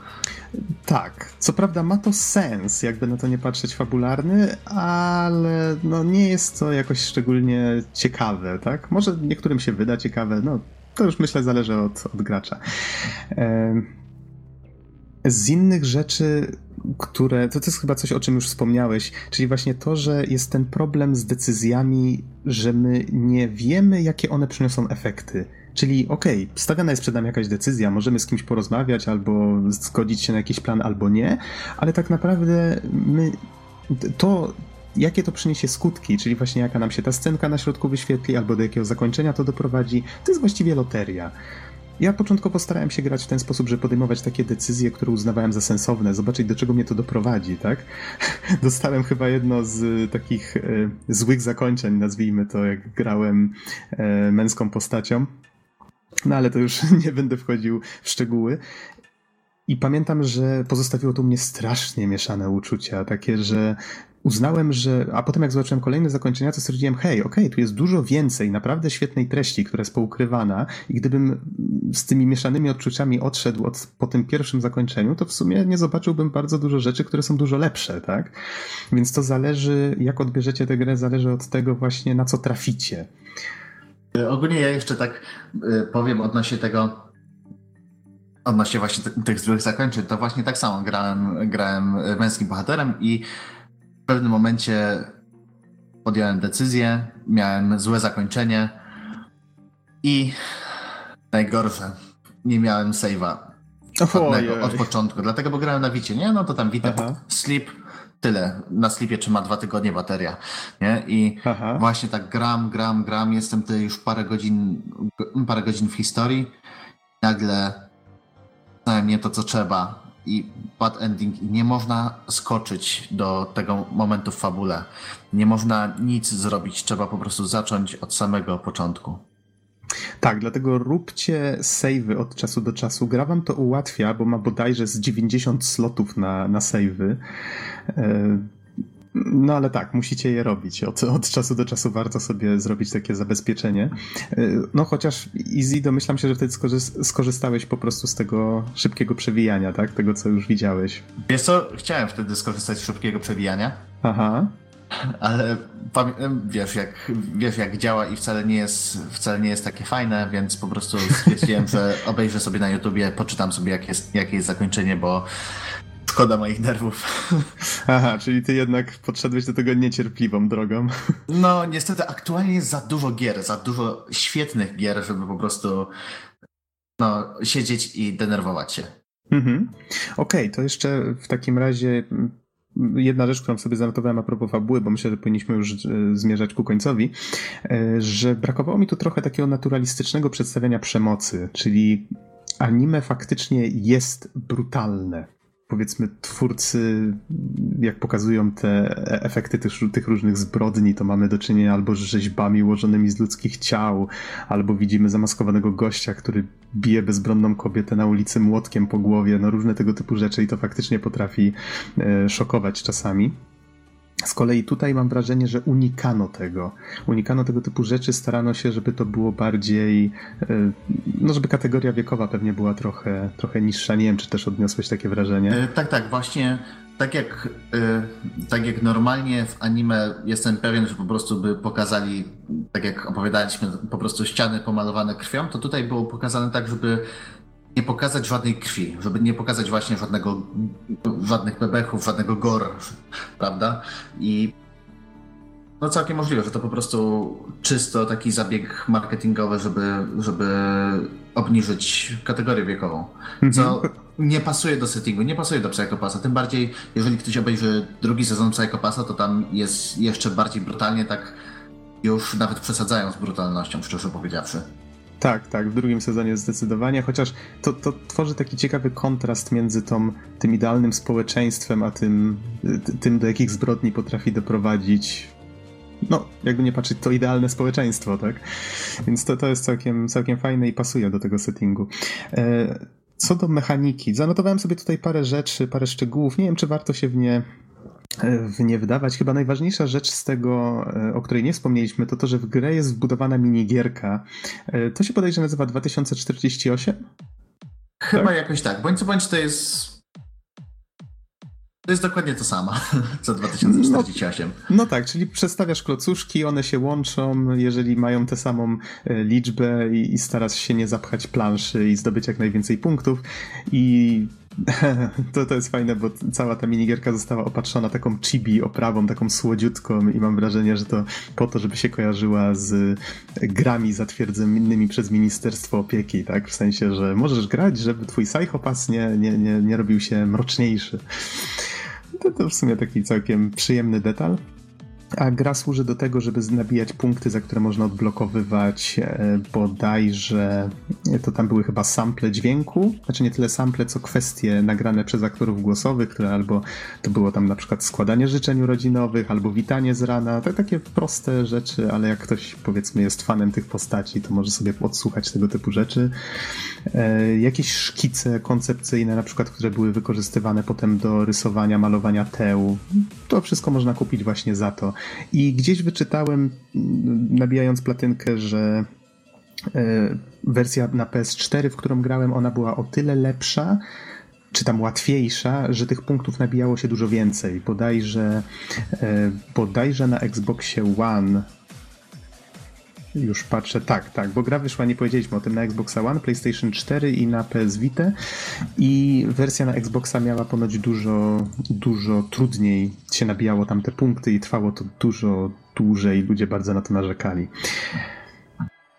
E... O, jeszcze co do różnic platformowych, to nie wiem jak tobie, ale na przykład właśnie grając na Wicie zauważyłem, że loading time był strasznie długi i nawet przy zmianie portretów postaci podczas dialogu wydawało się, że jest, no, że gra jest strasznie ociężała i może też dlatego to mogło wpłynąć po prostu na mój odbiór i na to, że nie chciało mi się dalej grać, bo jestem przyzwyczajony na przykład ostatnio w Danganronpie, że przyciskam, przyciskam przycisk, żeby y, ominąć kwestię, żeby wrzucić kolejną i automatycznie po prostu mam odpowiedź taką, że już na ekranie mam wczytaną kolejną postać. A tutaj przewijałem i nawet przewijając musiałem po prostu poczekać tą sekundę, dwie, aż się zmieni postać. To powiem ci, że na PS4 nie miałem takich problemów. Chyba, może już nie pamiętam, bo przechodziłem grę jakiś czas temu. Ale wydaje mi się, że działało raczej wszystko w miarę sprawnie. Więc tak, tu, tutaj widocznie to jest kwestia wersji na Vita. Jeżeli chodzi o samą oprawę, wspomnieliśmy, że w visual novelkach to minimalizm, tak? Czyli mamy proste, anim, tak proste animacje, jak to tylko możliwe, jakieś ruchy ust czy tego typu rzeczy. E, ale cała oprawa jest właściwie związana z anime, wygląda to wszystko jak wycięte e, z serialu. Nawet soundtrack do gry jest świetny, Dlatego, że jest wzięty w całości właściwie z anime. Chyba kilka utworów było takich, czy tam jeden utwór taki, którego nie rozpoznawałem i mam wrażenie, że powstał specjalnie na potrzeby gry, ale pewności nie mam. Ale na pewno ta muzyka dodawała całości rozpędu i myślę, że bardzo dużo, bardzo dużo dała tego klimatu e, animca w trakcie grania. Okej, okay, czy ja tu sobie coś jeszcze e, ciekawego zanotowałem? No tak jak wspomniałem, wynotowałem sobie różne drobne minusy związane z masą rzeczy, ale myślę, że nie warto tego roztrząsać. Tam chociażby, że niektóre rzeczy nie są zapisywane w logu, e, w którym możemy podglądać wszystkie kwestie wypowiedziane wcześniej przez bohaterów, czy, czy powiedzmy jakieś tam mniejsze potknięcia e, w różnicy między opisem a tym, co było na obrazku. Zdarzają się tu takie rzeczy. Zdarzają się, ale myślę, że to nie ma co aż tak głęboko w to, w to wnikać. No i właśnie, przechodząc już do podsumowania. Easy, czy pamiętasz, ile zajęło ci przejście gry po raz pierwszy? Szczerze mówiąc, nie mam pojęcia. Musiałbym odpalić Witę. To było tak z kilka godzin pewnie. No tak, co najmniej kilka godzin. No w moim przypadku nie pamiętam dokładnie, cztery, może, może sześć, ale już jak robiłem te kolejne zakończenia, właśnie przewijając i, i, i te scenki, robiąc z poradnikiem, Myślę, że to było tak z kilkanaście do dwudziestu kilku godzin, czyli dużo więcej niż się spodziewałem. No i tak jak wspomniałeś, to, to miejscami wcale nie było takie przyjemne, bo się strasznie dużo rzeczy powtarzało. No i myślę, że podsumowując, komu właściwie możemy tę grę polecić? Przede wszystkim fanom anime. Jeżeli nie widzieliście anime, obejrzyjcie je, tak? No chyba, że nie lubicie takich klimatów. Tak, tak co, co więcej, jeżeli chcecie się wziąć za tą visual novelkę, to obejrzyjcie anime. Dlatego, bo bez anime to nie ma sensu. Mhm, zgadza się. I no cóż, myślę, że tutaj już kilka razy po Twoich komentarzach można było wywnioskować, że nie uważasz tej gry za jakąś wybitną nowelkę, tak swoją drogą.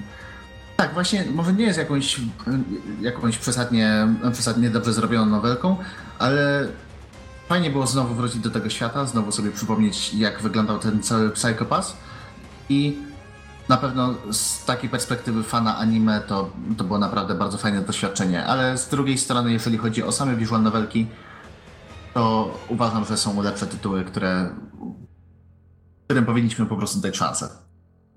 Mhm, zgadza się, więc o ile nie możemy wam z czystym sercem polecić nowelki, o tyle myślę, że możemy wam z czystym sercem polecić pierwszy sezon Psychopassa. Jeżeli lubicie anime, sci-fi, dobre kryminały, takie dystopijne klimaty, to bierzcie w ciemno, a myślę, że się nie zawiedziecie.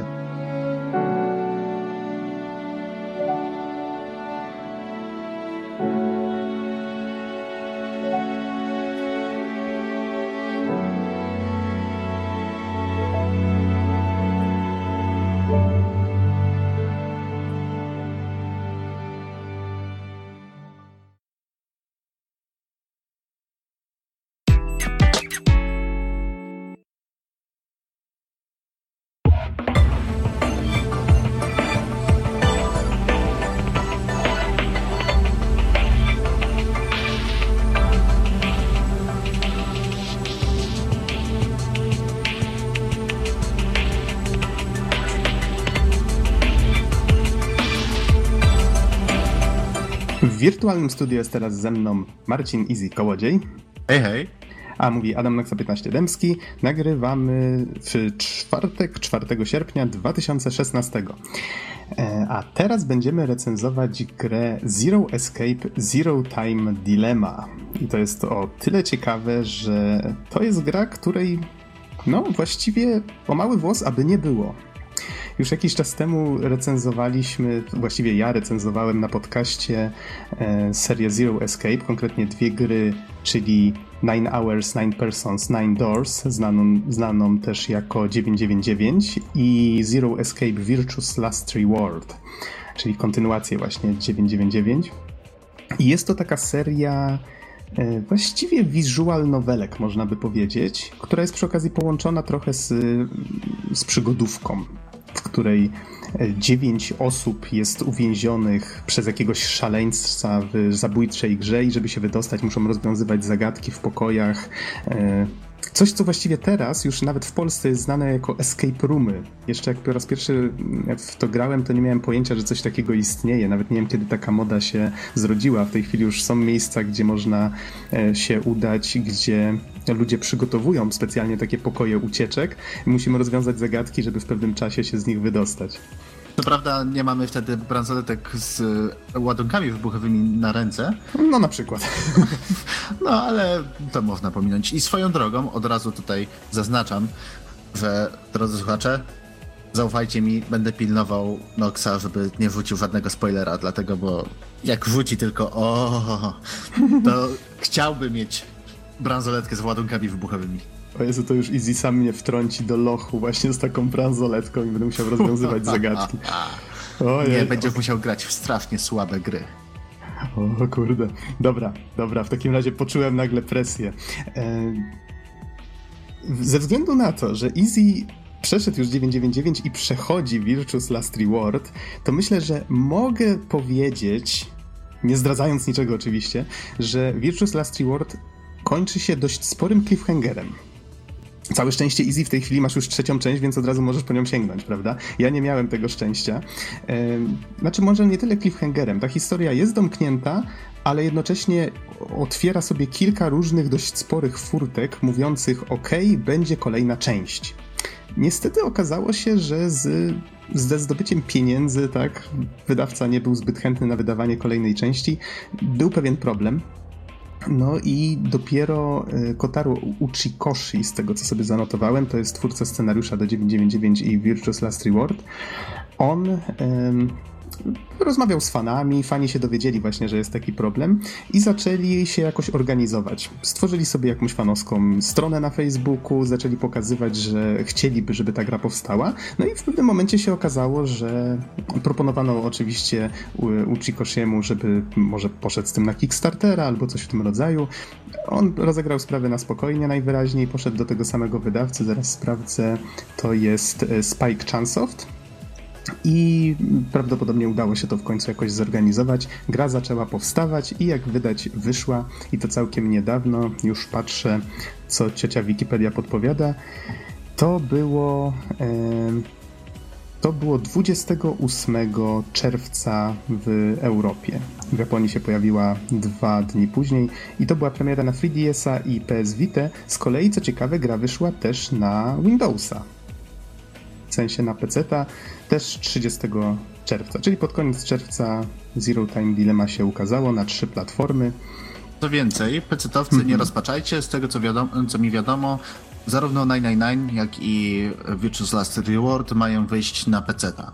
Prędzej czy później. Tak? O, to jest ciekawe. Super. Mm -hmm. Tak gdzieś czytałem. Musiałbym, tak szczerze, szczerze mówiąc, e, odkopać źródła, ale tam się zastanawiałem dlatego, bo aktualnie nie mam zbytnio dostępu do VLR-a, a muszę skończyć Mhm. E, w każdym razie widzę, że grę stworzyło Chime, studio Chime, co jest o tyle ciekawe, że poprzednio tworzyło studio Chansoft. E, nie wiem, czy to może jest po prostu inna nazwa tego samego zespołu, czy nie. Nie wnikałem w to.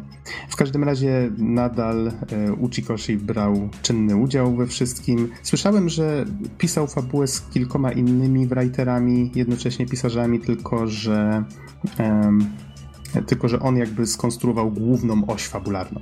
Okay, może żeby już nie przedłużać i nie mówić właśnie o, o całym e, backgroundzie gry, bo już dużo żeśmy na ten temat powiedzieli, o czym właściwie jest Zero Time Dilemma. Jest bezpośrednią kontynuacją dwóch poprzednich części, więc od razu polecam, jeżeli w nie nie graliście, zagrajcie. Ja nie będę zdradzał, tak?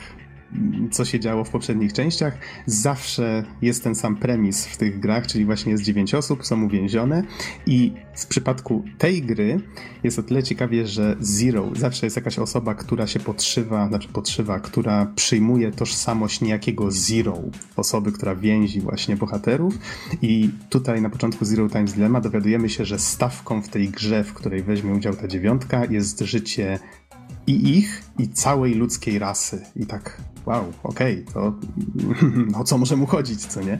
Bohaterowie zostają e, uwięzieni w schronie, który znajduje się 50 metrów pod poziomem gruntu, nie mają żadnych szans na ratunek. No i pojawiają się wśród nich i nowi bohaterowie, ale jest też dużo, dużo znajomych twarzy. Nie będę mówił kto konkretnie, bo mnie Easy uwięzi, tak, w schronie 50 metrów pod poziomem gruntu. Um, ale jest tam, są tam w każdym razie bohaterowie i z 999 i z Virtuous Last Reward. Um, no i można powiedzieć, że ta, ta historia jest swojego rodzaju podsumowaniem, znaczy podsumowaniem, no spaja na pewno wątki e, całej trylogii w całość. I nasi bohaterowie biorą udział w czymś, co Zero nazywa grom decyzji ponownie pojawia się wątek bransoletek, czy bransolet właśnie na, na rękach. Tym razem one aplikują środki usypiające i takie, które czyszczą pamięć bohaterów. Znaczy na tej zasadzie, że nie pamiętają ostatniego bodajże półtorej godziny, jakie się wydarzyło. I muszą co jakiś czas podejmować decyzje, które zaważą na, na tym, kto przeżyje, tak, kto umrze. I bardzo dużo z tych decyzji opiera się na prawdopodobieństwie. Czyli powiedzmy, e, jest, jeżeli podejmą daną decyzję, to jest szansa, że przeżyją wszyscy, ale tylko powiedzmy 25%, tak? A może się okazać, że wszyscy zginą. I, I tak dalej, i tym podobne. Jest dużo tutaj rozważań na ten temat, co się opłaca, co nie. Oczywiście te decyzje podejmuje gracz, ale do tego jeszcze, jeszcze przejdziemy. E, jeszcze takie jedno pytanie, bo mhm. E, nie pamiętam do końca właśnie jak to w Virtuous Last Reward wyglądało, bo grałem dosłownie, nie wiem, 15-20 minut kiedyś tam, kiedyś dawno. To nie było podobnie? W sensie tak, że mieliśmy wydarzenia tak jakby z perspektywy paru osób i tam były pomieszane jakoś czasowo, to tutaj też coś takiego jest? Um, Wiesz co, jeszcze, jeszcze może do tego przejdę, bo to jest troszeczkę bardziej skomplikowane. Niemniej y, zawsze reguły tych gier, w których biorą udział bohaterowie, one się trochę różnią. Y, w 999 to polegało na tym, że oni musieli wybierać konkretne drzwi i potem te drzwi pozwalały im pójść powiedzmy, czy tam uzyskać dostęp do jeszcze innych drzwi, tak? To się tak rozwidlało y, jak, takie drzewo, coś w tym rodzaju. Z kolei w Virtuous Last Reward to była gra, która się nie pamiętam jak ona się nazywała, no Nari Game czy jakoś tak? I to polegało chyba na tym, że oni głosowali, czy chcą kogoś y, zdradzić, czy, y, czy się z nim przymierzyć I w zależności od tej decyzji, bo nie, powiedzmy dwie grupy osób, jak podejmowały te decyzje, to e, nie widziały siebie nawzajem, więc mogły spokojnie podjąć decyzję, że na przykład kogoś zdradzają, zyskać wtedy więcej punktów i kto pierwszy zyskał powiedzmy 9 punktów, ten mógł jako jedyny opuścić miejsce, w którym działa się akcja. E, a z kolei tym razem mamy taki dość dużo prostszy koncept, czyli właśnie są te decyzje, tylko tym razem chodzi tylko o to, żeby sześć, przynajmniej sześć osób z tych dziewięciu zginęło. I każda śmierć zdradza jeden z kodów do wyjścia ze schronu. I drzwi ze schronu oczywiście otwierają się tylko na 30 sekund, więc jak ktoś nie zdąży, to no cóż, jego strata, tak? Y, więc wszystko się sprowadza do tego, że przynajmniej 6 osób musi zginąć, żeby reszta mogła przeżyć. Jak to mówi Zero w tej części, czasem życie jest po prostu niesprawiedliwe, czyż nie? No właśnie. I to, co mi się bardzo spodobało, już pierwsza decyzja w tej grze, czyli Zero przychodzi do bohaterów i mówi, że rzuci teraz monetą. I musimy zdecydować, czy wypadnie jej niebieska, czy czerwona strona.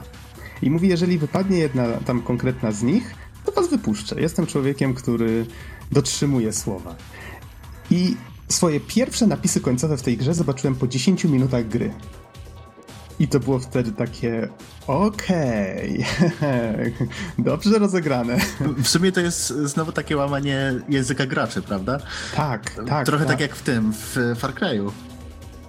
Um... No, zaczekaj na mnie 5 minut, to wrócę po ciebie. Nie? Jeżeli zaczekało się 5 minut, o, fajnie, że zaczekałeś, nie sądziłem, że, zac że zaczekasz. I kończy się gra. Coś takiego jest w czwórce, tak? Dobrze e, tak, tak. No. Słyszałem? No. No to tak, tak, już słyszałem o tym wcześniej, ale wyleciało mi z głowy faktycznie. No tak, dokładnie, dokładnie to jest takie testowanie przyzwyczajeń gracza, tak? I, I naginanie pewnych reguł, do których przywykł. I ta seria właśnie dokładnie to robi. I o czym jeszcze, o czym jeszcze będziemy e, mówić za chwilę, bo mamy tutaj podobnie jak w Virtuous Last Reward całe drzewo wydarzeń. Trochę się to różni, ponieważ mm, znaczy, nadal mamy tutaj podział na opowieść, mamy podział na escape roomy, yy, mamy też te decyzje właśnie, które możemy powtarzać i które się, które właśnie rozdzielają to drzewo na kolejne, yy, na kolejne linie czasu, w których dzieje się coś innego. Tylko tym razem mamy podział na trzy zespoły po trzy osoby i nie kierujemy konkretną postacią, tak jak było w dwóch poprzednich częściach, tylko kierujemy zespołem. Znaczy właściwie jedną liderem danego zespołu, tak? Czyli mamy jakby trzy postacie, którymi kierujemy. No i początkowo można się w tym trochę zgubić, bo nie gramy, e, nie gramy historii tak jak w poprzednich częściach od początku do końca. Znaczy mogliśmy tak robić. Nie musieliśmy, ale mogliśmy. Przynajmniej w Virtuous Last Reward mogliśmy w dowolnym momencie, powiedzmy się, e, mogliśmy przeskoczyć na dowolną z tych, z tych innych linii. Z kolei tutaj cała historia jest podzielona na kawałeczki. I to sprawia, że choćbyśmy chcieli, nie jesteśmy w stanie rozegrać od samego początka tej zabójczej gry do końca i dopiero, a okej, okay, to teraz sprawdzę, gdzie będą nas prowadzić tam inne ścieżki. Nie, tak tutaj się nie da. Wybieramy sobie fragmenty, nie wszystkie są od początku dostępne. Wybieramy sobie fragmenty historii i rozgrywamy tylko ten fragment od początku do końca. To sprawia, że w całości brakuje takiej e, sensownej chronologii Właściwie nie ma czegoś takiego tutaj. Nie jesteśmy pewni, możemy sobie oczywiście patrzeć na, na to drzewko, możemy sobie analizować to wszystko w głowie, ale gra stara się zbudować takie wrażenie chaosu, że my nie do końca wiemy, e, co kiedy się dzieje. Niestety ten zabieg sprawia też, że te decyzje, które podejmujemy, one szybko przestają mieć jakieś większe znaczenie, tak? Poprzednio mogliśmy się chociaż bawić w to, że ok, teraz będę starał się grać tak, jakbym powiedzmy podejmował te decyzje w rzeczywistości. Ok, i tak dało się grać, przynajmniej z tego co pamiętam, w, w, dwie poprzednie części. Teraz po prostu nie ma to najmniejszego sensu, bo podejmujemy jakąś decyzję, fragment się kończy i właściwie gra nas zachęca do tego, żeby bardzo szybko od razu sprawdzić, co by się stało, gdybyśmy podjęli tę drugą decyzję, tak? No okej, okay, coś, coś się traci, coś się zyskuje. Myślę, że w języku tej serii akurat mm, nie jest to aż tak dla niej krzywdzące, bo i tak liczy się to, żeby zobaczyć wszystkie możliwe opcje, wszystkie możliwe e, wersje wydarzeń, żeby grę ukończyć naprawdę i zobaczyć, jak się naprawdę kończy. Okej, okay. i niektóre opcje jeszcze do tego są blokowane, czyli powiedzmy, widzimy, że w danym fragmencie coś dzieje się dalej, ale twórcy kładą na to kłódkę i mówią, nie, nie, jeszcze nie teraz, no, no, no, yy, musisz przejść jakiś konkretny inny fragment i dopiero wtedy pozwolimy ci zobaczyć, co by się stało, tak? W ten sposób starają się wzmacniać narrację, żeby pod koniec moc, mocno przyłożyć, tak? I, I, takim ciągiem już e, zakończyć całą grę. I muszę przyznać, że bardzo im się to fajnie udało. Y, ja teraz I... tak mm -hmm. wtrącę się jeszcze Pamiętam jak grałem pierwszy raz w 999, to było na zasadzie, że ktoś mi polecił i, po, i powiedział Easy, słuchaj, to jest super gra. Nie będziesz wiedział, co się dzieje, ale będziesz chciał nie wiedzieć więcej. Ja taki, no tak, jasne, jasne, jasne. Pożyczyłem się DS-a, wsiadłem w pociąg, bo akurat jechałem chyba do Szczecina swoją drogą. Miałem 10 godzin yy, czasu, żeby sobie pospać. Nie spałem. Bo po prostu tak się wciągnąłem, że wow, ale to było wow, ale super, nie wiem co się dzieje, a później Revelation, mózg eksplodujący, ale nie, to nie jest prawdziwe zakończenie, jest ich więcej. Wow, nie, to naprawdę, jeżeli, jeżeli udało się tej grze prowadzić większe zamieszanie jak w pierwszej części i z równie równie mocno, że tak powiem, przywalić na koniec, to, to nie wiem, co ja jeszcze tutaj robię, powinienem grać. No, mętlik w głowie zostawia zdecydowanie bardzo, bardzo duży. To mogę ci zagwarantować. A nie było to zadanie proste, bo przecież osoby, które skończyły dwie poprzednie części, już wiedzą mniej więcej, jak ten świat działa, jakimi się prawidłami kieruje i tak dalej, więc ciężej ich niby zaskoczyć, tak? No, kilka razy byłem zaskoczony. Fajnie, że gra E, gra stara się nam podrzucać testuje gracza, tak? Podrzuca nam pewne wskazówki i możemy na ich podstawie odgadnąć pewne zwroty akcji, może nawet domyślić się większości rzeczy. E, I to jest fajne. Oczywiście nie, nie wszystko, na nie wszystko zareagowałem, tak? Niektóre rzeczy mnie zaskoczyły. E, problem tej serii polega trochę na tym, że.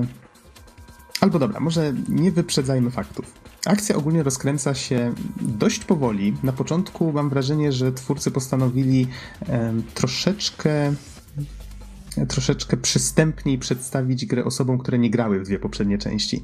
Co jest trochę bez sensu, bo jest tu tyle wątków, tyle postaci, to wszystko się łączy w całość w trójce, a mimo to jakoś udało im się to zrobić tak, że powoli tłumaczą, przedstawiają te postacie, najistotniejsze fakty, które się działy w poprzednich częściach, dlatego właśnie jednocześnie ta Zero Time Dilemma spoiluje poprzednie części.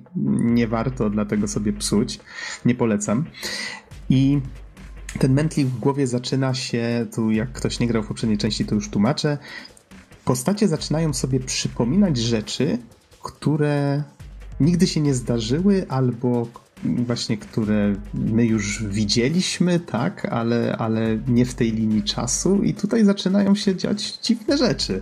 Mianowicie jedna z postaci na przykład mówi, że nie, nie, nie głosuj tak, bo wtedy stanie się to i tamto. Okej, okay, my jako gracz już wiemy, że stało się to i tamto, bo żeśmy to sprawdzili, ale skąd ta postać wie o tym przed faktem? I zaczynamy sobie układać wszystko w głowie. To, to jest coś, co oczywiście osoby, które grają w poprzedniej części będą już dokładnie wiedziały o co chodzi i jak to działa. Jest to bardzo ładne e, wykorzystanie języka gier i tego, jak gracze przywykli do grania w gry, aby wykorzystać to jako część narracji. To jest po prostu piękny pomysł. I Łączy się to wszystko z teorią wielu wszechświatów, jest tu dużo rozmyślania o naturze właśnie świata, wszechświata, czasu czy naszej samoświadomości. Poważne tematy, wiem.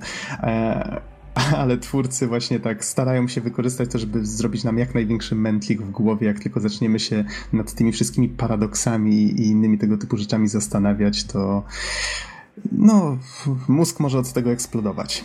W sumie, w sumie tak, już od pierwszej części takie dosyć poważne pytania były zadawane, na, może nie tak bezpośrednio, ale właśnie y, gra zmuszała do refleksji nie tylko nad tym, co się dzieje wewnątrz gry, ale też ogólnie kim, kim są ludzie, że tak powiem. Czym są ludzie. Tak, mówimy teraz strasznymi ogólnikami, a to tylko dlatego, żeby nie psuć wam zabawy. Tak, właśnie to ciężko, ciężko powiedzieć, jeżeli właśnie ktoś nie grał, dlatego, bo E, o, powiedzmy tak. Czasami granie właśnie w gry z, z tej serii, z serii Zero Escape, to jest jak y, oglądanie Discovery Channel i rozwiązywanie zagadek logicznych naraz.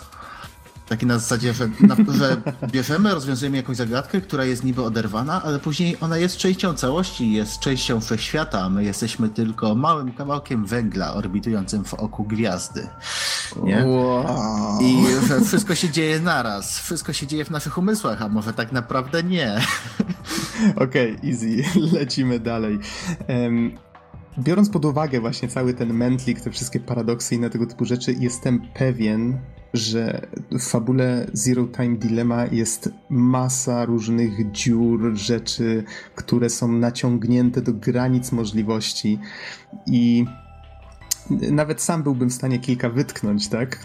Co do których mam spore wątpliwości, ale Myślę, że to, co jest najważniejsze, to to, jak budowane jest tutaj napięcie i poczucie tego, że rozwiązujemy jakąś wielką tajemnicę, że wszystkie te pucelki w pewnym momencie zaczynają wpadać na swoje miejsce i to jest właśnie przegenialne. To, że pod, przez kilka ostatnich godzin gry właściwie nie, nie, jesteśmy w stanie się oderwać od niej, tylko musimy zobaczyć, jak to się skończy. No i pod tym względem myślę, że ta część nie jest wcale gorsza od poprzednich. Jeszcze warto wspomnieć o tym, że jest zdecydowanie brutalniejsza niż poprzednie części. Przynajmniej tak mi się wydaje, bo nie pamiętam już aż tak dobrze tego, co się działo w poprzednich, przynajmniej nie z takimi szczegółami. Mamy tutaj kreskówkową oprawę, ale jest to dość mylące, bo mamy tutaj sceny, w których jest dużo krwi, widzimy masę zwłok, jest dekapitacja, inne tego typu rzeczy. Nie będę zdradzał oczywiście wszystkich soczystych szczegółów. Czy na przykład mamy tutaj doprowadzanie ludzi na skraj szaleństwa. No i choć większość tych drastycznych scen została pozostawiona wyobraźni, myślę, że głównie z powodów budżetowych twórcy po prostu y, nie byli w stanie tego pokazać tak jak chcieli, więc po prostu odwracali kamerę albo grali samym dźwiękiem. Ale mimo to gra jest zdecydowanie od 18 lat i to, to warto tutaj podkreślić. E, jeżeli chodzi o gameplay, no mamy tutaj visual novelkę i faktycznie jest tu masa, masa dialogów, zresztą tak jak w poprzednich częściach, ale nie zapominajmy o tych escape roomach, które też się pojawiają i to jest chyba pierwsza część, w której tak sobie właściwie pomyślałem, że e, po, po, co te zagadki, tak? Gdyby je usunąć i zostawić samą fabułę, to nadal by działało. No ale okej, okay, powiedzmy, że to już taka tradycja w tej serii. Mamy pokoje zagadek, mamy te escape roomy.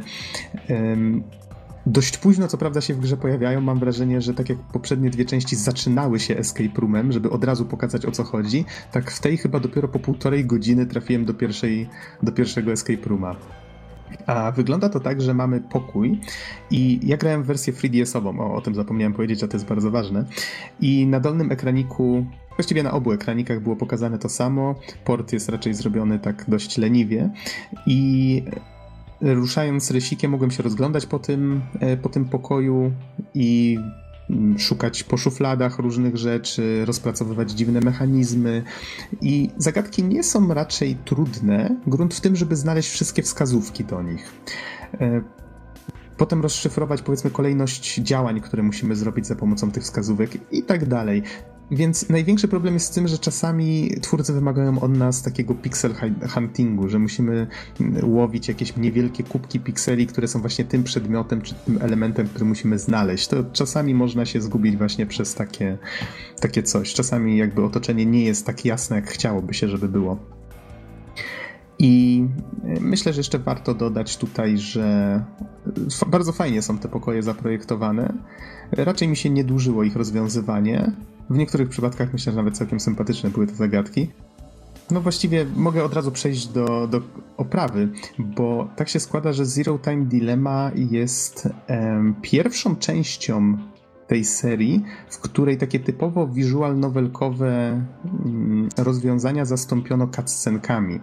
W pierwszej części mieliśmy bodajże pixel art, z tego co pamiętam, i ręcznie rysowane tła. Były po prostu postacie wyświetlane, jak ktoś się pokazywał na ekranie, to znaczy, że on wtedy mówił, wyświetlał się tekst.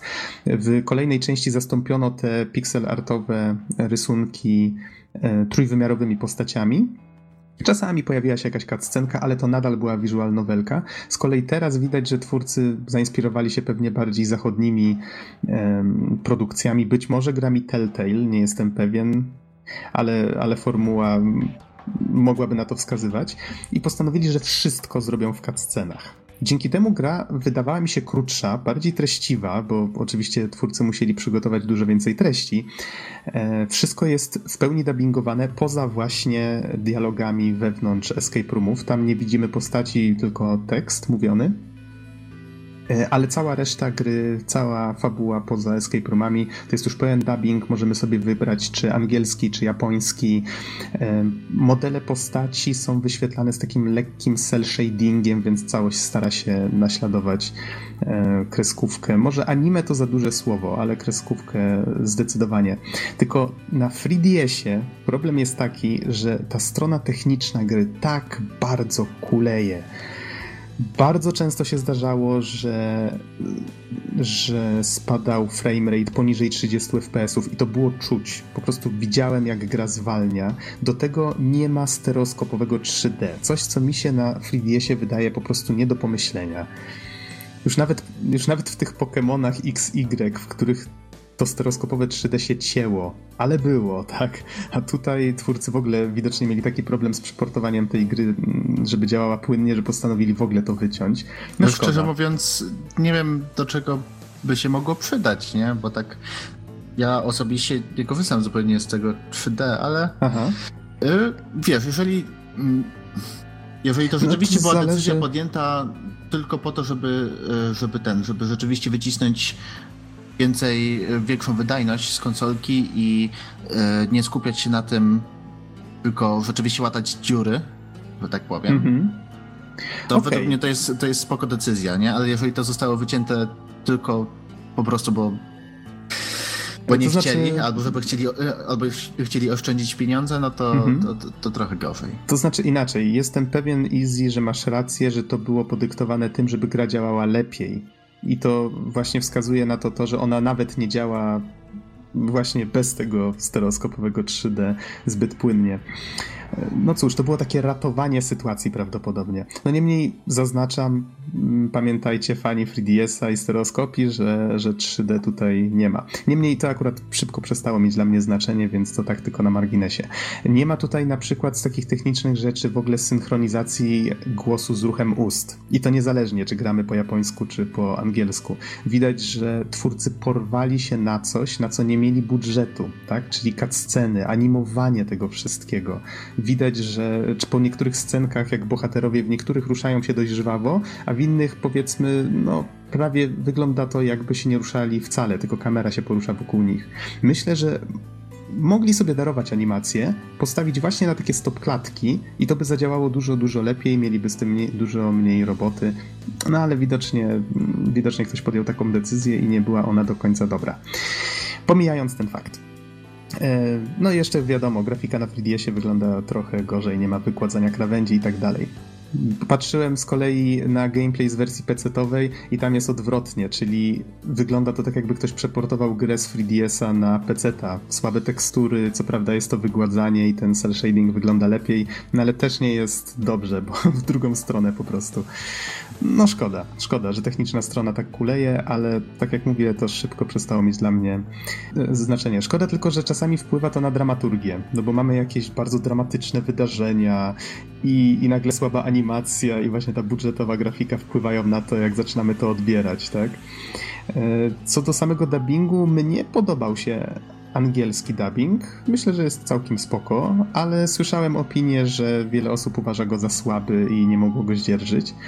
Myślę, że efekt byłby lepszy, gdyby faktycznie pozbyć się tych drewnianych animacji, to, to wtedy samymi głosami chyba lepiej by to działało.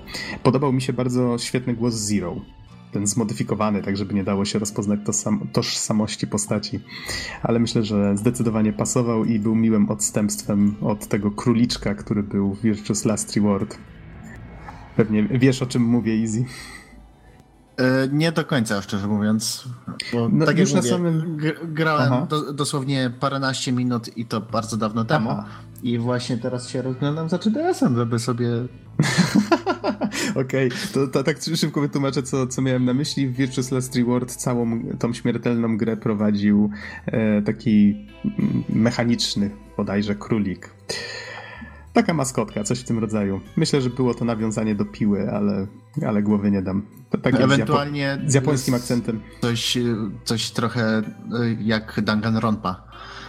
E, to, też, też. To w sumie chyba od tych samych ludzi, to znaczy a nie jestem pewien. Ten nie sam wydawca? Pewien. Możesz sprawdzić, możesz sprawdzić, ale to chyba nie są ci sami twórcy. E, Okej, okay, lecąc dalej. Lecąc dalej, już zmierzam ku końcowi. E, żeby tutaj troszeczkę jednak posłodzić, muszę przyznać, że to jest chyba najlepsza część, jeżeli chodzi o poruszanie się po całej grze, czyli e, obsługę tego i przeskakiwania między liniami czasu i e, możemy w bardzo łatwy sposób powtórzyć każdy fragment gry dowolny. Jeżeli już słuchaliśmy jakiegoś dialogu, możemy go bardzo szybko przewinąć, możemy sobie w opcjach ustawiać jeszcze, czy to przewijanie ma być szybsze, czy wolniejsze. Więc to wszystko działa i działa bardzo dobrze. I w takiej grze jak ta myślę, że to jest dość istotne, biorąc pod uwagę, że w 999 w oryginalnej wersji, bo wiem, że wyszła jeszcze jakaś komórkowa, której chyba, w której chyba wycięto wszystkie escape roomy, to nie wiem jak tam to rozwiązano, ale w oryginale na DS-ie y, jeżeli chciało się powtórzyć grę i i konkretny, zmienić tylko jakąś konkretną decyzję, powiedzmy w połowie, trzeba było rozgrywać wszystko raz jeszcze od samego początku. I chyba to przewijanie no też nie było aż takie szybkie.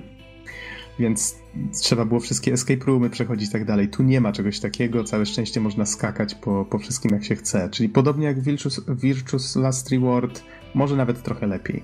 Więc jest dość przejrzyście, fajnie, ten interfejs działa. Okej, okay, no tak, i... tylko pozwól, że szybko wtrącę. Y, informacje o tym, że się pojawi, pojawi 999 i VLR na inne platformy były na Anime Expo 2016. Inne platformy, no to prawdopodobnie też PC, jeżeli najnowsza część wyszła.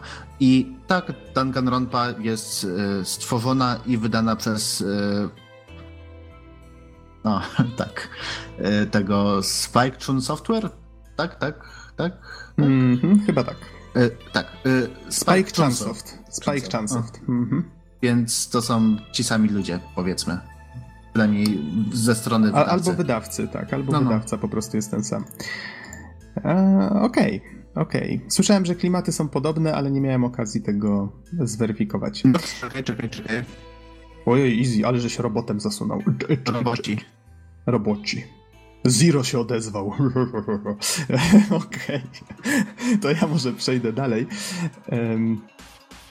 Z kolei, tutaj kończąc już kwestię oprawy, muzyka jest naprawdę super, pasuje do, do gry, niepokojąca, czasem wzruszająca, dobrze oddaje właśnie, właśnie ten klimat, w którym z jednej strony czujemy presję czasu, z drugiej, z drugiej ona dobrze pasuje do, do myślenia, rozwiązywania zagadek, przynajmniej niektóre utwory. bardzo dobrze się przy nich myśli, może tak. E, sęk w tym, że rozpoznałem bardzo wiele motywów z poprzednich części, a właściwie głównie z Virtuous Last Reward, bo nie pamiętam aż tak dobrze soundtracku z 999. No chyba, chyba, że kilka takich bardzo istotnych utworów dla gry, które też się przewijają przez całą serię. E, niemniej odniosłem wrażenie, że twórcy zaoszczędzili na soundtracku i bardzo, bardzo dużo utworów. Nawet jeżeli jest zmieniona, to jest to tak delikatna zmiana, że ledwo wyczuwalna. A przynajmniej ja nie wyczułem różnicy. Nie sprawdzałem na żadnych spisach utworów, ile jest nowych, ile nie, więc może się mocno mylę, ale wydaje mi się, że większość tego soundtracku to jest po prostu kopiuj wklejka z, z VLR-a. No i już podsumowując, chyba że Easy masz jakieś pytania. Nie słyszę pytań. W tym momencie A. nie mam pytań, bo strasznie robocisz i... Aha, aha, dobrze. Ojej, easy Ale po twojej, po twojej stronie powinno się dobrze Okej, okay, taką mam też nadzieję. Y, w związku z tym, podsumowując, gra zajęła mi jakoś około 25 godzin. Słaba strona techniczna, szybko przestała mieć znaczenie. szybko skupiłem się właśnie na, na fabule, na, choć wiadomo, fabuła nie jest idealna, być może pełna dziur i tak dalej, ale budzi bardzo dużo emocji, to mi się w niej podobało. Jeżeli szukacie dobrego thrillera, lubi, lubicie rozmyślania o naturze wszechświata i innych tego typu paradoksach, to jak najbardziej też jest to rzecz dla was. Jeżeli lubicie sobie łamać głowę nie tylko na zagadkach, ale też na fabule, no to właściwie to jest pozycja obowiązkowa. Tylko lepiej zacznijcie od 999 i Virtuous Last Reward. Z tego co mówił Easy, te gry trafią na PC ta niedługo, więc będzie ku temu okazja. Prędzej czy później czekajcie, bo naprawdę warto. O, Easy powrócił bez robocenia. Nice. Już się bałem, że cię Zero porwał. Tak więc Easy, mam nadzieję, że nie zaspoilowałem niczego ważnego i nie będę musiał lądować w żadnej piwnicy z bransoletą z niczym trującym w środku. I cóż, cóż, cóż mi pozostaje, drodzy słuchacze, teraz czas, abyście i wy dokonali wyboru.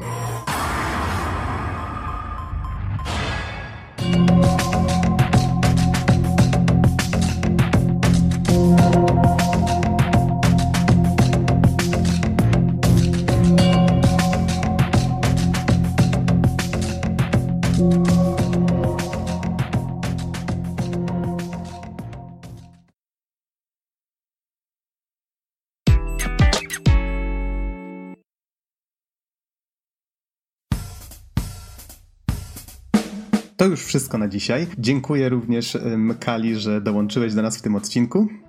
Dziękuję również. Dziękujemy Wam bardzo za uwagę. Trzymajcie się. Cześć.